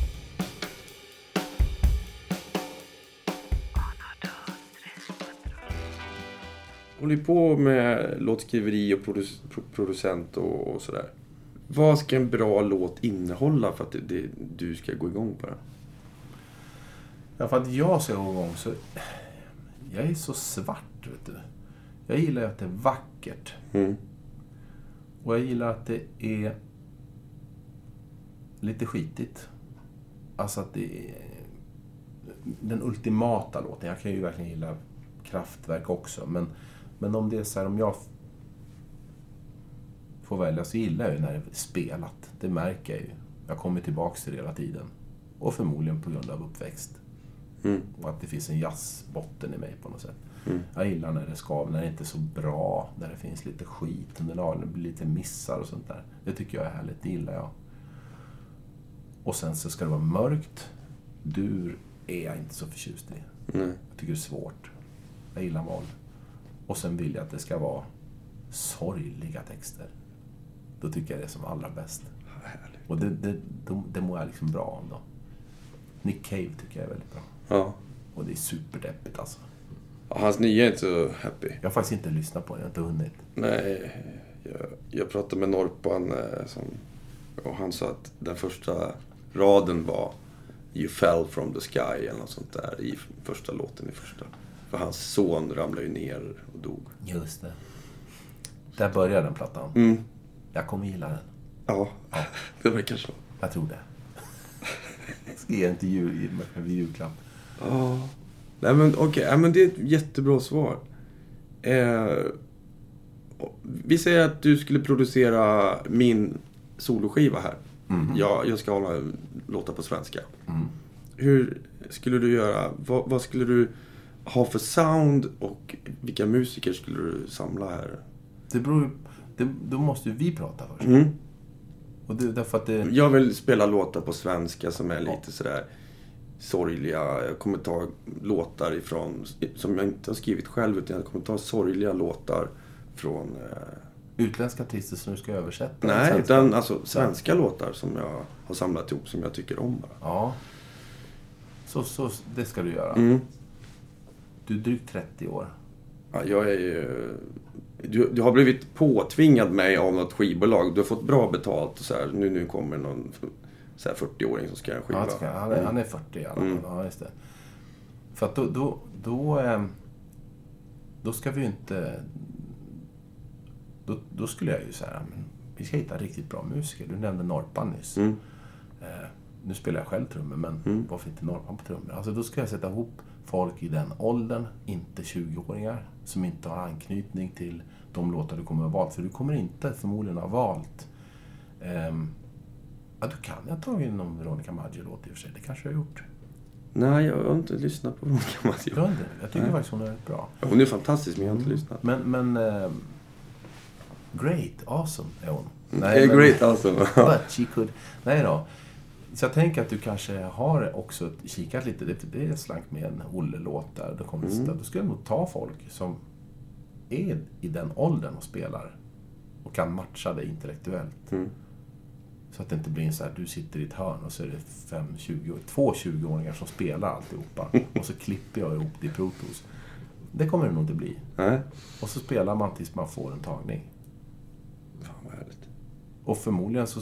Jag gillar ju- Jag har haft tur att få jobba med, med Lemark på några grejer. Vi har producerat lite ihop en skiva. Mm. Och ja, vi har träffats några gånger här. Och jag gillar Peter och han är ju väldigt bra på att förbereda sig noggrant. Den grejen gillar jag mer och mer och mer. Så att när man väl spelar så är det inte som Beatles gjorde. De, de tog ju 20-30 tagningar av vissa låtar därför att de repade typ i studion. Mm. Och som producent som vi tar om igen och så prövar att inte spela bas i första versen. Och då blir det tagning två. Utan det är därför det blir så många. Mm. Då repar man att man genom att prata och tänka ordentligt innan kommer fram till en produktion. Och när man sen ses, då handlar det bara om att ha så bra stämning i rummet som möjligt, så bra förutsättningar som möjligt. eh, Och hitta ljud. Att man har en bra ljudtekniker med sig, om inte jag ska vara det som någon annan. Och sen så se, till så att man kittlar alla under hakan lite då och då, så man märker att oj, vad hände med dig där borta? Åh, du behöver få lite Marabou-choklad. Sådär. Nu blev du lite glad igen. För annars blir det ingen bra. Nej. Och så spelar man in ganska snabbt. Mm. Peter tar det här till något vansinnes... ehm, han, han kan ju vilja göra fem låtar på en dag. Med alla pålägg och all lead som klart. Mm. Det är bara att skicka till mix. Det är ganska jobbigt. Man behöver inte gå så långt. Nej. Men att under lugna former göra tre låtar med allt som ska vara på de låtarna per dag. Och då måste man ha folk som kan spela. Rutinerade, erfarna, lugna i studiomiljön som inte blir rädda och nervösa. Och... Man kan inte ha några rookies. Jag skulle sätta ett sånt gäng runt dig. Kul. Ja, Men du är ju bra på det här. nej men det... Och sen behövs det inte så mycket. Nej. När man får så mycket så handlar det också om att låta folk vara. Mm. Får man in Jerker Oderholm i rummet så är det ju askorkat att berätta alla toner han ska spela. Då har fått en av Sveriges bästa basister där. Men låt honom spela då. Mm. Och när han ser lite kinkig ut, vilket Jerker aldrig gör, Mm. men då, då får man ge en kopp kaffe eller någonting. Mm. Men då har du ju ändå den här pappapsykologen. Mm. Är, allt är ju där. Ja, det är så. Och då tycker jag att det är roligast också. Jag Mm. gillar själv det bäst. Faktiskt. Men det är nog för att jag har stulit de här... Alltså de jag har stulit av är ju liksom Heinz Liljedahl och Olle Mark och Johan Lindström. Det är väl de som jag tror att liksom, jag har inspirerats mest av som producenter. För de har jag jobbat med själv. Mm. Man har fått sitta där bredvid och titta hur de gör. Eller inte gör. Avsaknaden av att som Heinz, som ibland kan vara. Han är ju en superbra producent. Känner du till honom? Mm. Carolina Vucklas man Mm. och ja, Olles gamla parhäst. Han är en sån otrolig auktoritet, Heinz. Men eh, det blir aldrig några stora gester. Det är liksom... Man prövar sig fram på en låt, toppfolk med och sen så ska Heinz säga så hörni, vi, vi når inte dit idag. Vi, vi tar den där en annan dag. Då tar vi en annan låt istället. Lugn och ro. Pröva att spela så här på trumman. Och så sjunger han lite som han brukar göra. Och så skrattar han själv åt det. Och så tycker man att det är kul. Och så testar man och så blir det bra. Aldrig några stora grejer. Till då Johan som är väldigt hands-on. Som kan berätta precis hur det ska vara. Men någonstans är det där som en musiker bägge två. Och liksom Mm. har någon slags... Ja, man ska trivas i rummet bara. Mm. Brukar det ju lösa sig. Det är ju faktiskt så pass enkelt. Mm. Läskigt när man tänker på det. Men så är det ju. Ja, men det, jag tänker också som... Nu när vi Vincent eh, pontade förut ju. Mm. Och jag tror att de sitter... Vet jag inte riktigt. Jag, jag har spelat trummor på någonting av det som Vincent och de har gjort. Men, men då är man ju sist på plan. Trummorna, det finns ju en trumskiss. Och den låter ofta så här väldigt bra. Mm. Ehm, lite för bra. Så att jag brukar tänka, varför, hur, varför ska jag spela om för? Och det kommer bara bli sämre. Men då gör man det. Men, eh, och där är det ju inte massa människor i ett rum. De, de smider ju på ett annat sätt på en låt. Mm. Skriver den och spelar in den samtidigt och byter element och förfinar och putsar. Och, det är ett annat förfarande. Mm. Och jag har aldrig fått pröva på det faktiskt. Jag har aldrig jobbat så. Så jag vet inte hur jag skulle klara av att sitta med en låt i två veckor. Bara en låt. Och sen nu liksom, nu blev den klar. Med det där lilla, lilla, lilla pillandet. Ja, men det är en helt annan... Det är en Men annan sport. annan- ja, det är, en, det är en annan sport, ja. Men jag tänker psykologiskt är det en utmaning, tror jag. Mm. Att gå in i en sån bubbla. Mm. Nu, jag är lite om och kring mig och kan göra en sak på dagen och sen kan jag mixa en grej på kvällen. Men där är det nog så här, nu lockoutar vi hjärnan här. Nu ska den här låten bli bra. Och så jobbar man med den. Lite Martin Sandberg-tänk, tror jag. Mm. Ja. Det är fascinerande. Jag vet inte om jag skulle klara det. Jag skulle vara kul att pröva, Mm. faktiskt. Fast det här som du pratade om innan det låter mycket roligare i min värld. Men det, Ja, men där är det olika, Mm. Alltså, och sen kanske man skulle kunna krocka de där världarna på något spännande Mm. sätt. Det vet jag inte, men... Halva skivan superproddat och andra halvan så här... Nej, men Nej, vi kör lite. Kanske göra extremt tydliga förproddar och sen så, nu, nu är det bra. Nu skickar vi de här. Och så Mm. ber vi folk planka allt det här och komma med att de förädlar med sina sound. Mm. Men att själva rytmiseringar och sånt där och ton, allt det där är klart. Och så spelar vi live. Mm. Det kanske skulle kunna bli någonting, jag vet inte. Mm. Men då är frågan om man orkar göra en förproduktion så noggrant så man vet att allt det här ska ändå inte bli kvar sen. Ja, precis. Det och, ja, men det är också budget liksom. Ja, det finns inte sådana pengar Sverige. Nej. För Bosse Skoglund sa det att när de skulle spela in skivor med Peps så hade Peps alltid gjort en demo innan. Ja. Som han tyckte alltid var bättre än skivan. tyckte Bosse. Han bara... Det lät alltid... Då hade han spelat allting själv, sjungit in och så bara... Och då tyckte Bosse, men det här... Det är ju det här vi ska släppa. Men så gjorde de det. Ja, det var ju in. precis det jag sa i Mm. stort sett. Ja. Mm. De skulle man ju vilja... Kan inte någon ha dem? Jag vet, ja, det är väl? Peps som har dem kanske. Jag vet inte. Det skulle man ju vilja höra. Ja. Det är säkert hur bra som helst. Ja, det tror jag. Pugh Rogefeldt gjorde ju något liknande. Han gjorde Ja. också demosar som var Ja. fantastiska i början. Ja, Men de tror jag har kommit ut. ja jag vet Jag inte. tror att det kom en sån Pugh-box för några år sedan med allt. Ja, Pugg är fin. ja det är han. Vad vill du se i en artist då för att du ska bli... Tycka om den? liksom? Originalitet. eller? Ja. ja. Kan du nämna några som du... Du har jobbat med originella... Ja, men eller hur? Thomas Olle- Andersson Wit till exempel. Ja, Och eh, Anna Ternheim. Du har jobbat med Ola Salo och Ljungström. Lova Antell och Kaspers. Ebba. ja. Alltså, jag tycker Olle Ljungström är jätteoriginell. Mm. Det är, det är så här bra exempel. Mm. Skitkonstig röst, ärligt talat. Det, det, måste, det, det skiljer ju folk där. Det finns säkert de som bara, jag står inte ut. Ja, men det tror jag. Han är Ja. en sån här Ja, vattendelar-artist. Och sen så är det jättebra texter. Mm. Och jättebra låtar. Och han var en väldigt bra artist. När han var bra, han var också jävligt dålig när han var dålig. Han var ju så högt och lågt. Ja. Men eh, det är spännande med sådana tycker jag. Jag, jag tycker det är roligare med artister som kan, där det kan gå åt helvete. Mm. Faktiskt. Det, jag hörde en... eh, Thomas Stenström, vet ni vem det är? Nej. En ung artist som har gjort en låt som heter... Han hade ett plåster som heter... Kanske inte hette Slå mig hårt i ansiktet, men den gick så i refrängen. Mm. Slå mig hårt i ansiktet så kan jag säga att jag lever. Han hade någon video som jag bara direkt reagerade på för att han ser lite udda ut. Han sjunger jättebra. Och den, den låten tröttnade jag ju på för att den var sånt örhänge så att det, han är säkert trött på den själv. Men Mm. sen kom en låt som heter Forever Young. Är En, en hommage till låten Forever Young men, men med svensk text och så. Jättebra. Och han har någonting som jag tycker, ja det, det är någonting som är udda över honom.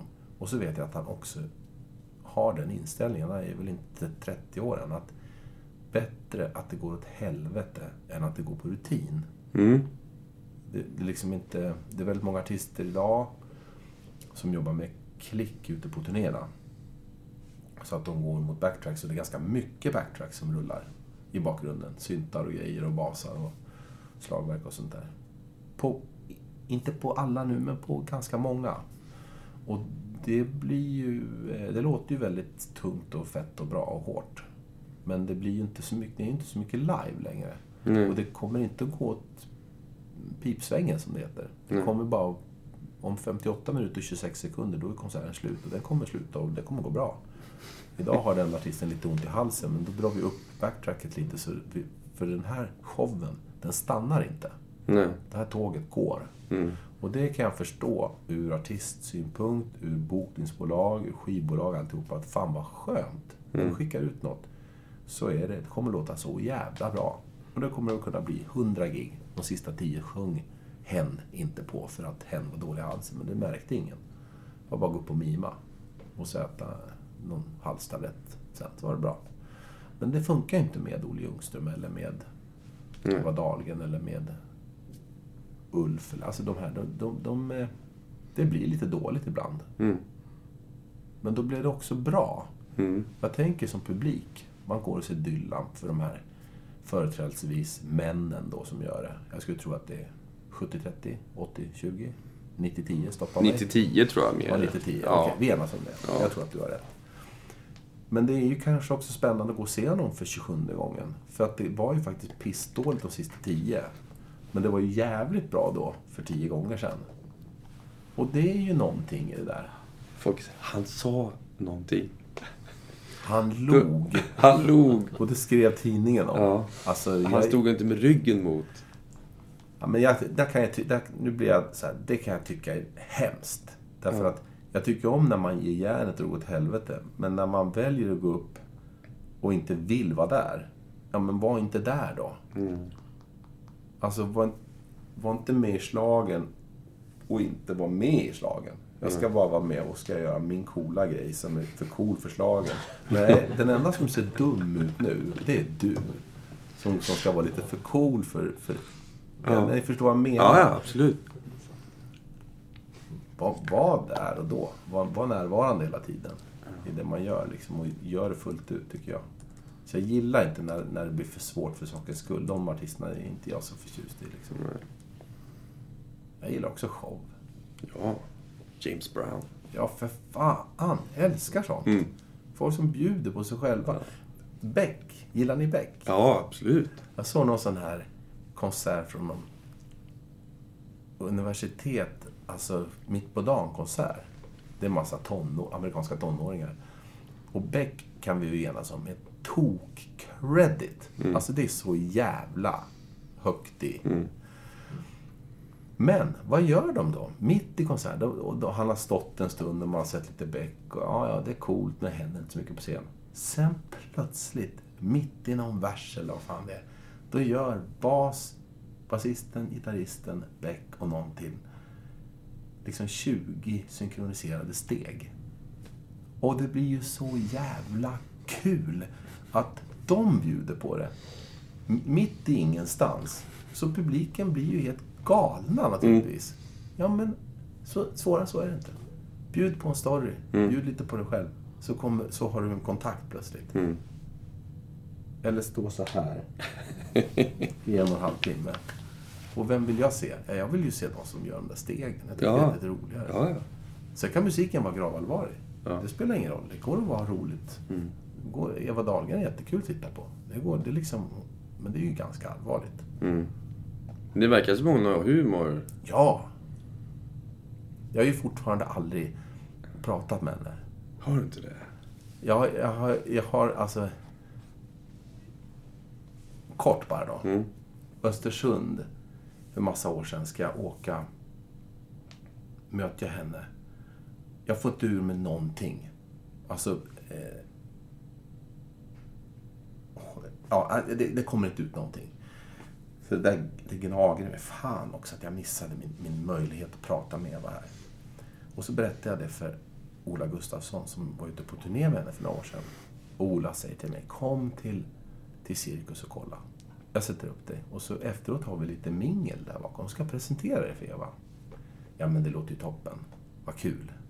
Man tar på sig bästa kostymen och man går dit och jag sitter och tittar och, och jag storgråter till ängen i rummet. Jag tycker det är fantastiskt bra. Mm.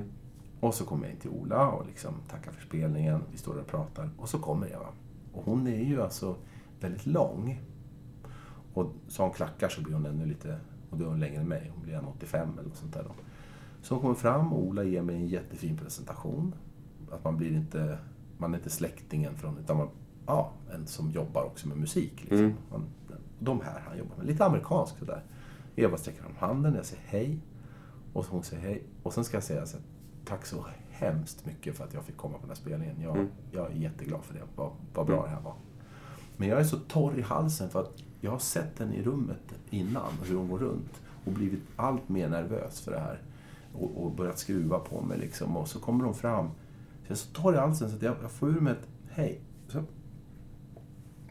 måste jag liksom harkla mig och svälja. Och på den lilla stunden hinner någon annan komma fram och säga Hej Eva! Hej Lars-Göran eller något sånt där. Och sen var hon borta. Så det blev ett hej och inget mer. Och sen att behöva stå med skammen inför Ola när han skrattar sönder sig efter att han passerat. Du får inte ihop det här va? Det kommer inte bli ni två. Så det är liksom... Jag skulle, jag skulle dö för en fika med henne. Jag tycker hon är Ja, grym. vad fint. Men det kanske inte ska bli så heller. Hon är kanske för mycket idol för mig. Det kommer bli. Ja, kanske. Men ni vet, man ska, ibland ska man inte träffa sina idoler. Men det har du redan gjort nu, fast du... Nej, jag, Ulf var ingen idol för mig. Nej, men du har ju ändå träffat Eva Ja, och jag sagt var hej det till henne. sant. Jo, det har jag gjort. Men det kanske bara ska vara så. Mm. Vi kanske ska nöja oss där, hon och jag. Men det, ni kanske blir jättebra kompisar. Ja. Spelar in alla skivor här. Och... Ja, eller... Det vet man inte. Nej, det vet man. Du är hennes trummis. I wish. Skulle, skulle, det, skulle det vara jobbigt att bli hennes trummis? eller så? Nej, jag skulle älska att få spela med Ja. henne. Det skulle vara Du en bara, sån. jag- kan alla låtar, eller Ja, jag skulle tycka det var så himla roligt. Verkligen. Det, det, och det finns andra jag skulle tycka var kul att spela med, men, men det skulle vara för mig förmodligen gåshud i så länge som vi spelade ihop. Mm. Just för kopplingen när man... Ni vet hur det blir när man lyssnar på grejer när man är barn. Mm. Det blir så starkt alltihopa. Mm. Det ska jag tycka var fantastiskt. Men hon har ju en makalös truppslagare. Så att eh, hon lär ju inte byta. Ja, men han kanske Jag kanske- sjuk eller något.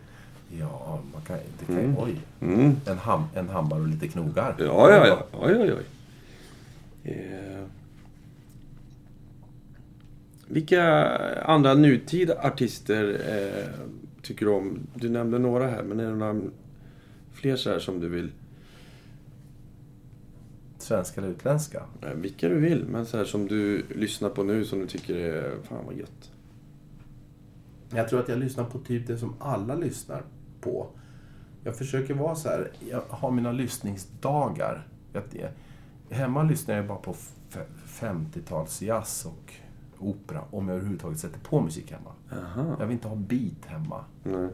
Det räcker så bra med på jobbet. Mm, jag förstår det. Men, men annars så brukar jag försöka tanka ner såna här listor ifrån... Eh, vad heter de här sajterna som är så jäkla stora på nätet?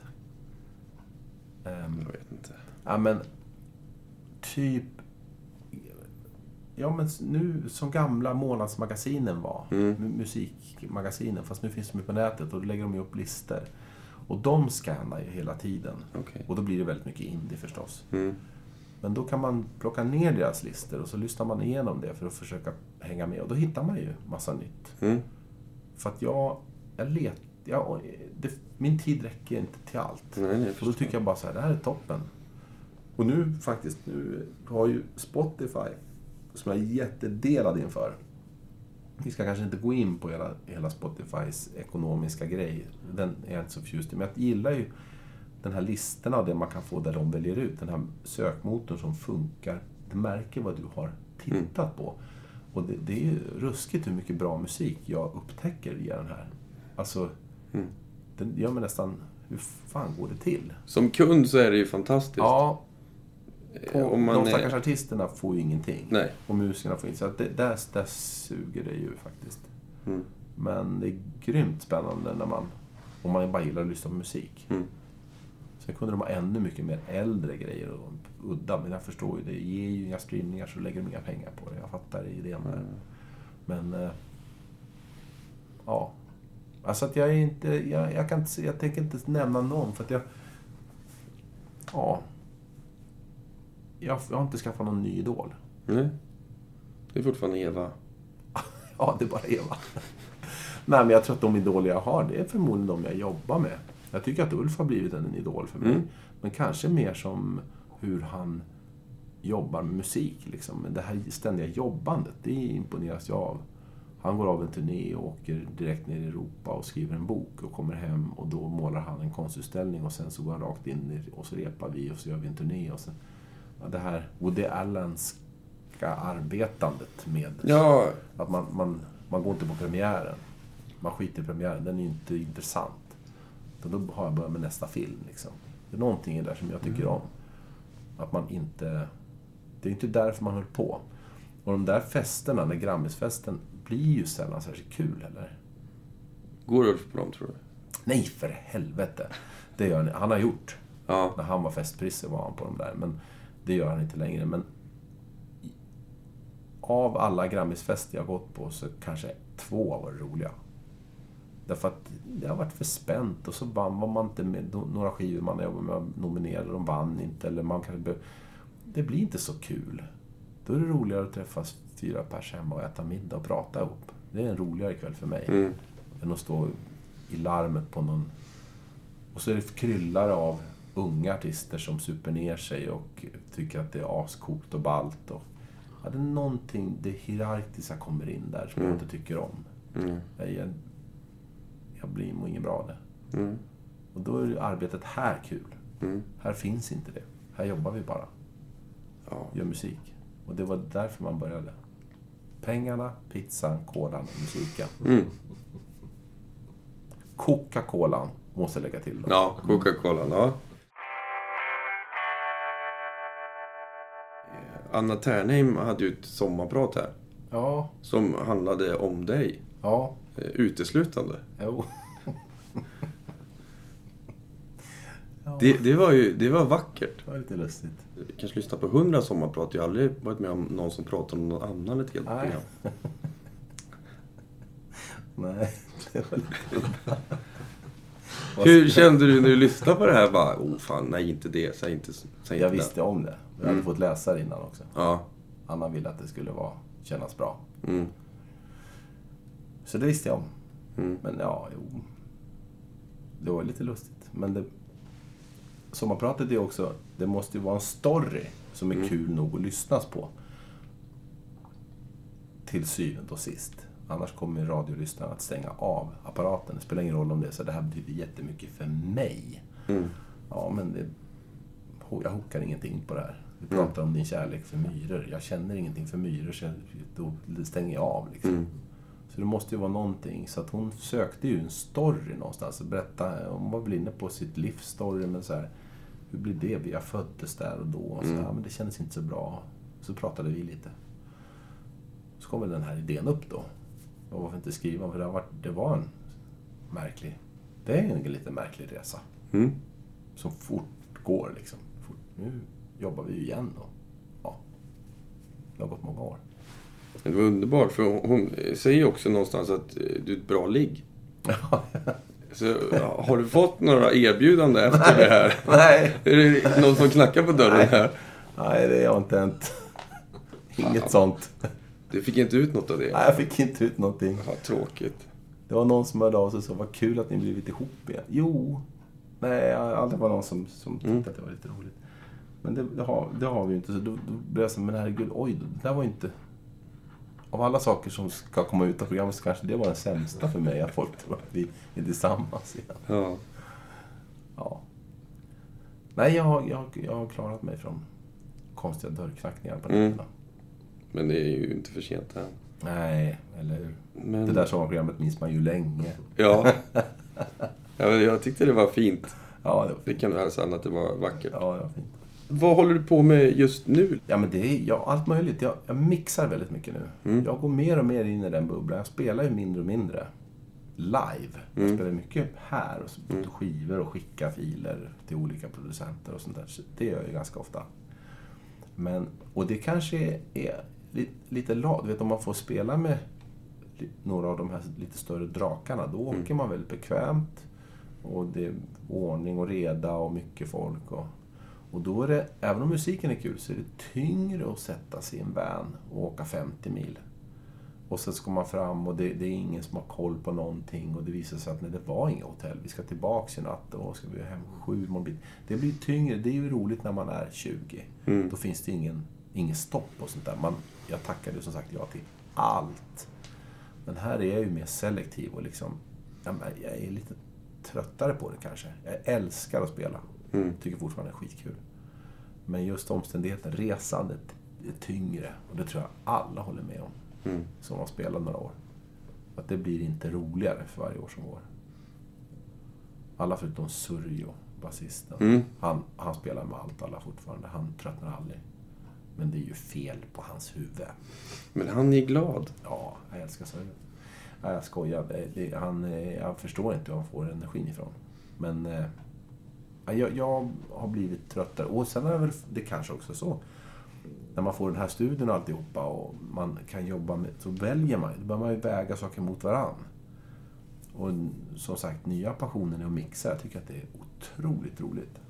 Jag är som ett barn igen. Mhm. Och då är det en ny plugg, en ny apparat. Jag har ju lite apparater här. Ja, vi måste ta Ja. kort på det här sen. Ja, nej men alltså så att det, det, då... Vad, är- vad är, är det här någon slags Det där är något som blinkar. pedal... Eh, Ja. Blinkande pedaler, bästa jag vet. Fan. Nej men du förstår ju, då väger man emot det. Och då Mm. kanske, okej, ska jag åka till Skövde och spela ska punk i och för sig, det är ganska kul Mm. just nu men vicka med ett dansband då? Ja. Ja, men det, nej, det känner jag faktiskt inte för. Nej. Då är jag hellre här nere den kvällen och mixar på något eller gör något eget. Eller... Det här är ju något av ett vuxendagis, eller hur? Ja, det är Ja. underbart. Jag vill ju komma hit varje dag och leka nu. Jag gör ju det. Ja. Jag är varje kväll också. Jag är ju här typ till sent på kvällarna helt. Ja, men vad är alternativet? Åka hem och kolla på en Netflix-serie då? Nej, nej, nej. Jag förstår att du är Ja, här. eller hur? Ja, ja. Jag skulle också varit här om jag fick eh, hela dagarna. Hade jag haft en partner hade jag ju åkt hem till en partner. Ja. Men nu, nu ska vi äta middag och umgås. Ja, men Mm. fine, jag förstår Mm. det. Men om man nu inte har en partner så... Ja, men då, då blir... Jag tror att jag stannar en timme till. Mm. Fingrar lite på den där synten var länge Mm. Alltså, det är ju lite för kul. Sitter du och letar ljud här ibland och bara... Ja, ibland gör jag det. Ja. Och ibland spelar man in och testar någon ny mikrofon. Och man har köpt och... Ja, det, jag tycker att det är toppenkul. Det är lekstuga hela Ja, det är tiden. en lek, ja, det är det. Mitt liv blev en lång lekstuga. Underbart. Ja. Jag hoppas att jag blir som Bosse. Mm.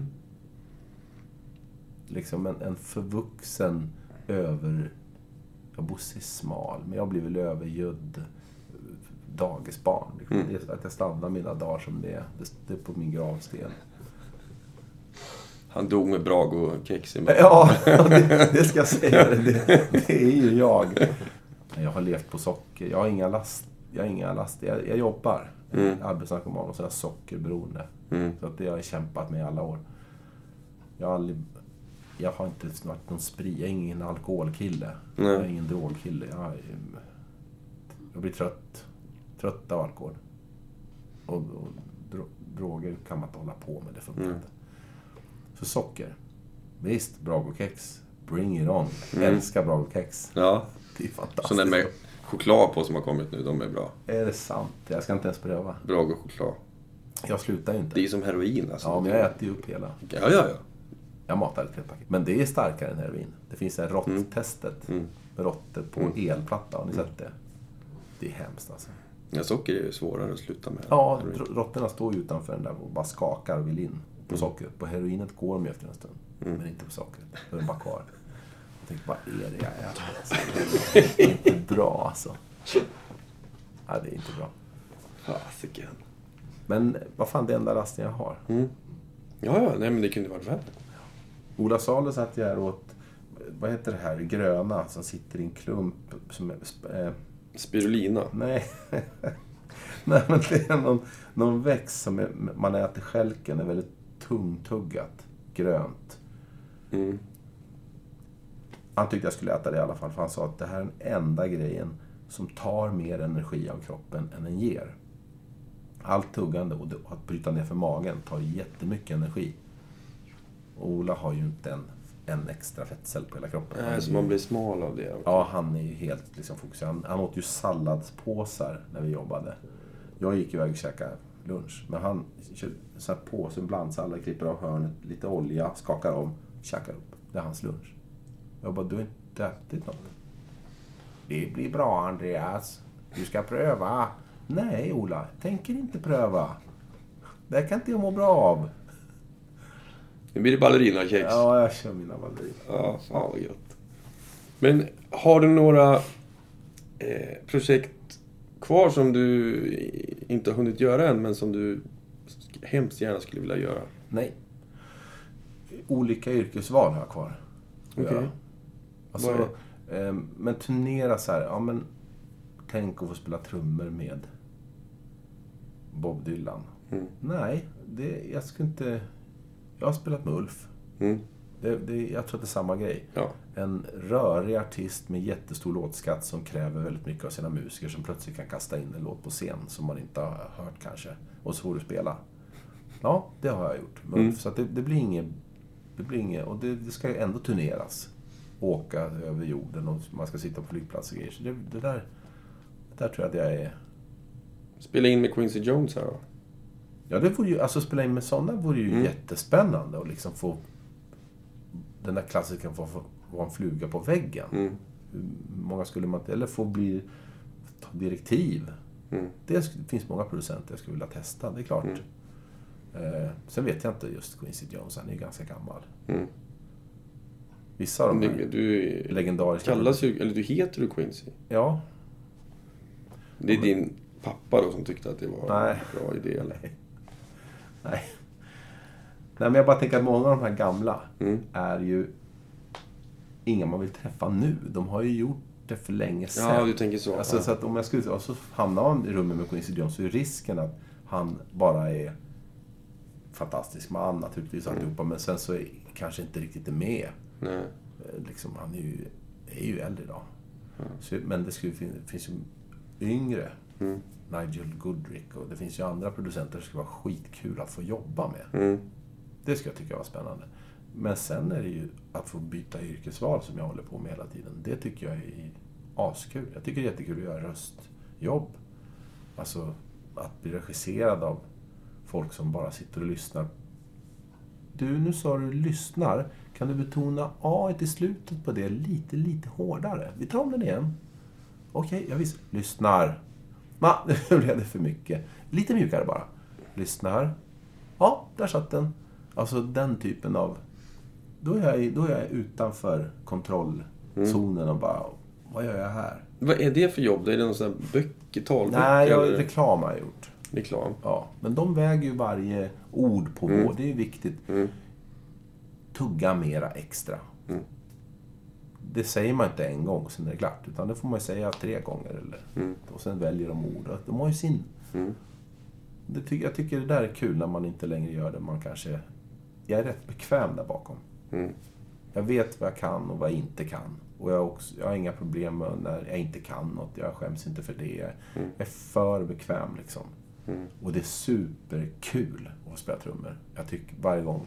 Men ibland är det mer givande att man är så här. Det här vet jag inte om jag kan. Det här är, det här är nya Riksteatern för mig.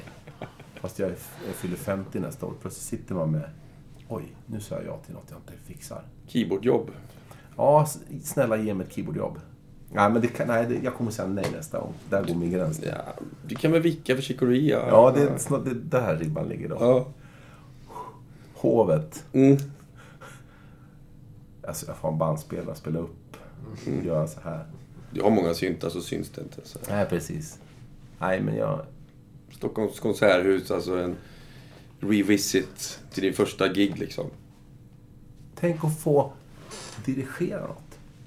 Hur mäktigt skulle inte det vara? Mm. Men gillar, gillar inte ni också sånt? Att man inte gör det man... Alltså där, nu är ju ni inte längre i era 30s. Mm.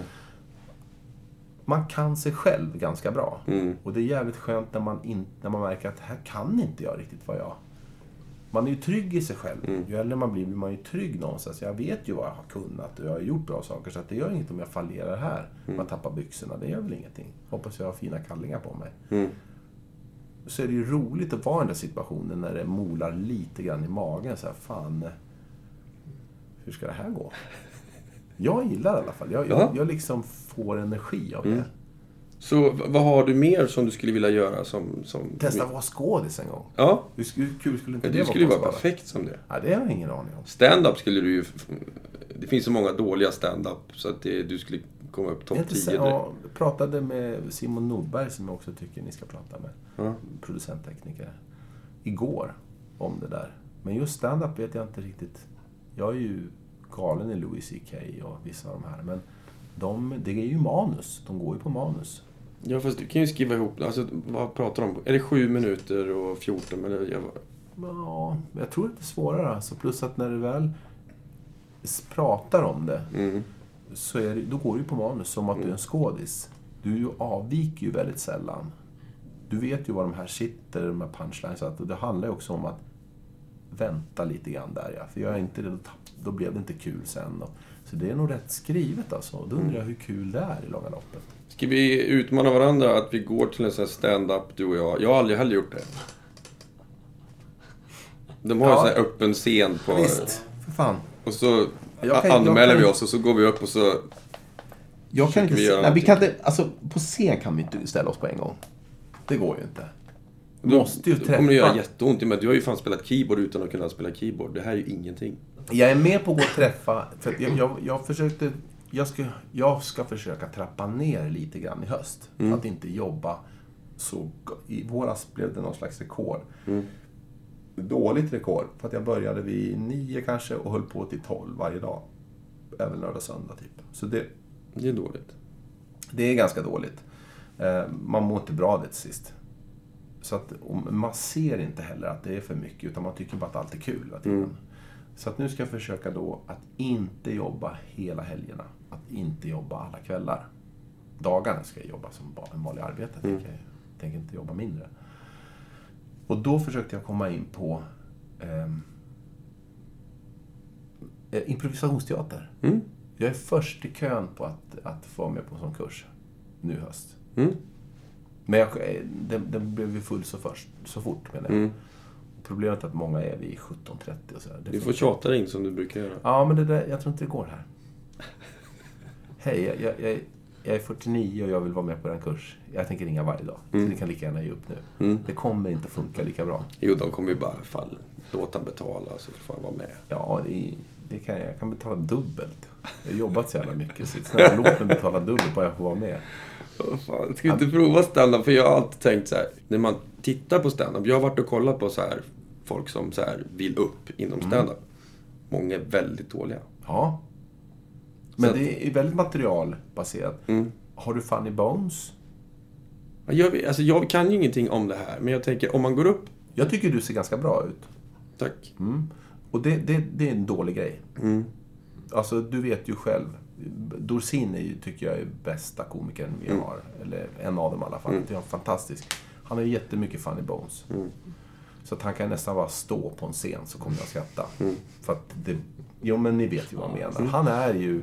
Och kanske just därför är han ju inte den tvålfagraste av oss. Men, men herregud, det spelar väl ingen roll. Men, men just för att vara komiker är det fantastiskt. Mm.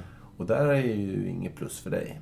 Och det vet jag inte om jag ser rolig ut, men jag tror att jag tror inte heller att jag ser rolig Att jag, jag kan inte gå upp och bara vara den. Ja, du Eddie Murphy då? Alltså, han, han Ja, såg vet. jävligt Jo, bra ut när han absolut. kom ut. Ja, men jag, alltså det finns... eh, Jag antar utmaningen så att jag, jag, jag... Fan vad roligt. Ja, för fan, för jag kan inte säga nej, men jag kommer vara så fruktansvärt nervös. Jag tror att Jag med, så nu har vi ju... Man måste skriva bra. Man måste kunna skriva, skriva skämt. Det är fan inte lätt alltså, tror jag. Nej. Då skulle ju alla hålla på med det. Ja, fast alla kanske inte vill. Nej, men jag, nej, nej. Så kan det ju vara. Fan, fan tog det här vägen och nu blev det... Eh, Nu men det var, ja, men det var roligt. Det var så jag tänkte med stand-up att, att vi kanske säger innan att vi har slagit vad här och ingen av oss är komiker men vi hade ändå tänkt försöka. Men måste man, man måste börja... Man måste ju börja med att träffa en person. Det var, det, det var därför jag knöt ihop det med, Ja. med eh, nu den här improvisationsteatern. För de hade också kurser och träffar i stand-up. Okej. Så att man får en liten hum om Att bara gå upp på en scen och inte ha, fatta. Det går inte. Kan man inte bara dra en... Du skulle kunna prata om saker, det här, det här som vi har liksom pratat om nu. Det är ju inte kul på en stand-up-scen någonting. Jo, varför inte? Nej.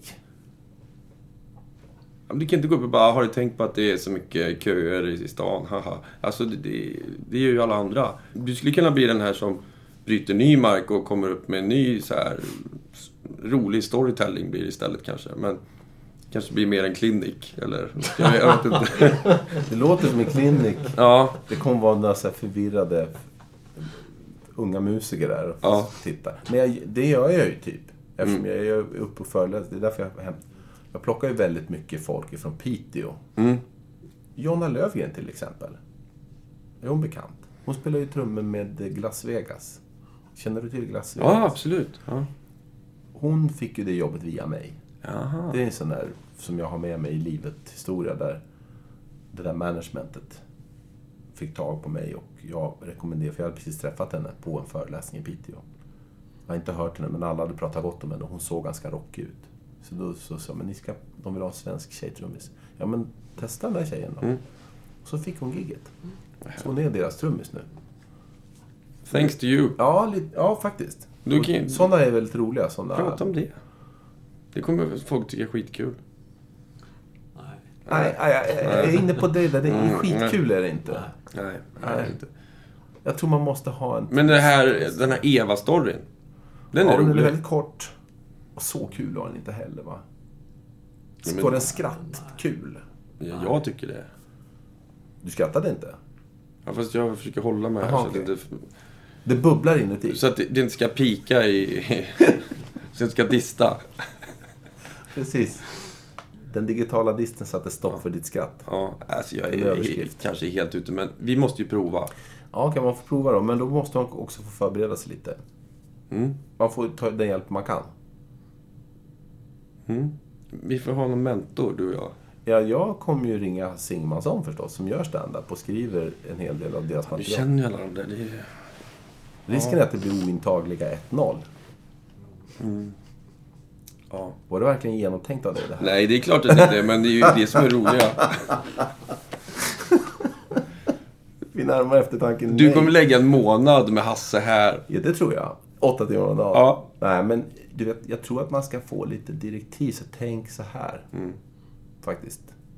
För att jag tror att det är så nervöst att det... Men du menar att det finns en öppen scen? Mm. Oj, oj, oj. Jag blir nästan nervös nu. Onsdagar. Nej, men fy fan. Idag, vi kan gå ner nu. Nej, nej, nej. Jag har inspelning. Ja. Och nästa onsdag ska jag se på Hasse. ja, just det. Han kanske kör där. Ja, ja det kanske jag gör. Kan du vara förband till Hasse? Nej, men jag tror att det var flera tunga som skulle vara nästa onsdag. Det kanske inte är där.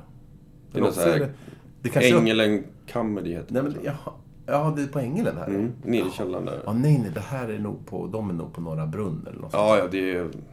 Det är lite fingigget, Ja. ja. det är fin gig. Jag tror att det skulle vara någon Killinggänget med och lite sådana där folk. Oh, ja, där vill man inte vara. Eh, nej. Jag tänkte mer så här öppen scen där alla andra också är i början på sin karriär. Men det är inte jobbigt att titta på också? då? Jo, men då kan man tänka så här, men jag var inte sämst. För det var en som svimmade innan han hann säga någonting. Och då, då, då var inte jag sämst. Det är ju roligt. Ja, Kan jag få vara den som går upp och bara skakar och så Och man bara- säger hej, så svimmar man. så det kan vara en öppning för dig. Det kan vara en öppning för mig. Du svimmar första giget, du kommer bli så här en klassisk, måste gå och se Dahlberg, han svimmar. Jag gör det ett par, tre gånger först. Mm. Om man kommer lite, lite längre så får man få en sån här, folk kommer verkligen hejar på en. Att Ja. kämpa nu Ja. liksom. Det är dit jag vill att, Och så svimmar man och Ja. svimmar. att folk tycker synd om mig från början. Grejen är att det här är ju en Woody Allen-figur i en film. Jaha. Ja, men det, ni hör ju vilken plott det här är. Mm.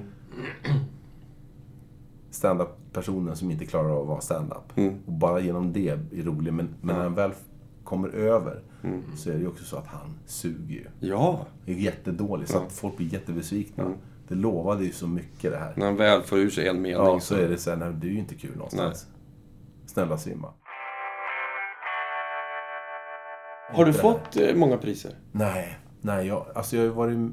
Nej, jag personligen har inte fått, men jag har ju varit med på skivor som har vunnit Grammisar. Mm. Men de har ju inte... De har ju då artisten fått. Men jag har ju varit med och gjort dem. Mm. Så man är väl delaktig då. Du du sig en samling med guldskivor någonstans? Jo, det har jag på toaletten. Du kör där. Ja, men var ska jag... Här är inte så trevligt ha dem, tycker jag. Tycker jag. Nej, men då tänker jag att andra är här och så, och så ser de att man... Så ska de liksom se någon annan artists guldskivor. Det tycker inte jag känns Nej, så bra. okej. Så De tänkte- ser dig när de går på toa sen. Det är väl roligare att de är där, tänker jag. Mm. Piggar upp lite. Ja, vad roligt. En anekdot. Lokalen där inne, där Ronny sitter, Mm. och ett litet rum där vi tittar in, där Gustav sitter nu, är... Det var det som var här när jag flyttade ner. I övrigt var det ju ingenting här. Det var bara bråte och konstiga väggar och toaletter överallt. Där gjorde jag min första produktion, 2000. Och det, den låten som jag spelade in då, som skrevs i köket där inne, var det här bandet Escobar, om ni kommer ihåg dem. De gjorde en låt som heter Someone New med Heather Nova. Och då var hon här. Och då skrev de låten i köket och så spelade vi in den där. Och så satt jag uppe halva natten och gjorde trummor och fixade och med det där. Och sen... eh, Ja, det blev den låten. Someone New-låten. Som kom på skivan sen. Så det var min första produktion. Jag hade inte gjort någonting innan det. Det är ju stort alltså. Ja, det började bra. Sen är det liksom en stadig downhill. Ja, Du börjar på Stockholms konserthus som femåring och du gör den låten som första produktion också. För många gör ju kanske någon så här egen demo eller gör någon så här reklamfilm eller reklam... Jobbar inte så. Nej. Nej. Men sen är det neråt. Sen är Ja. det liksom en, en, en konverterad nazisthälsning alltså. Den går baklänges ner. Sen blir det stand-up och voice-over-gig resten av livet. Svimmande Svimmande stand-up och stand-up och voice-over. voice-over. Ja, så är det. Kan vi få några sista ord från dig, Andreas? Ja, sista ord. Gud vad svårt. Då ska man sammanfatta och säga någonting klyftigt och förståndigt. Nej, det måste man inte säga. I'm on drugs. Ja, nej, det är jag inte. Nej. Jag är inte on drugs. Då skulle man ju vilja säga någonting om att den där ABBA-skivan som, som sen eh, Thåström gjorde någon, någon vad vill det vara, grön? Mm. We're, we're in it for the drugs. Hade de va? Zappa gjorde vi in it for the money. Ja. Alltså, I'm in it for the work. Det, det, och det tycker jag alla borde vara. Ja. Jag tycker att det är för lite folk som jobbar med musik. Mm. Och för många är folk som tror att det, det, här, det här löser sig sen. Man behöver inte jobba så hårt, det kommer att fixa sig. Så det, jag tycker man ska börja, folk måste börja jobba igen med det här. Göra. Ja, visst. Alltså, det, det här, här händer det. Mm. Och på scenen händer det. Det där är kul liksom. Mm. Allt det där andra är... Men det har alltid varit det som har lockat folk, tror jag. Mm. Men det är synd att det är det. Mm. För det är inte det som gör att det blir bra. Det var klokt sagt. Ja, jag vet inte, men det är, så lever jag i mitt liv. Mm.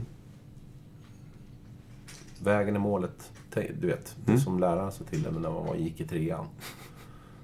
Men de flesta lever inte efter det ändå. Mm. skit i den där festen. Är, och jag gör det fortfarande inte. Jag går ibland på Grammisgalor och ångrar mig nästan varje gång.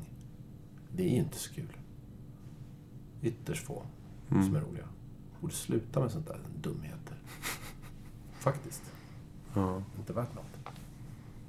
Men tack så hemskt mycket för att vi fick komma hit och prata med dig. Ja, tack för att ni kom.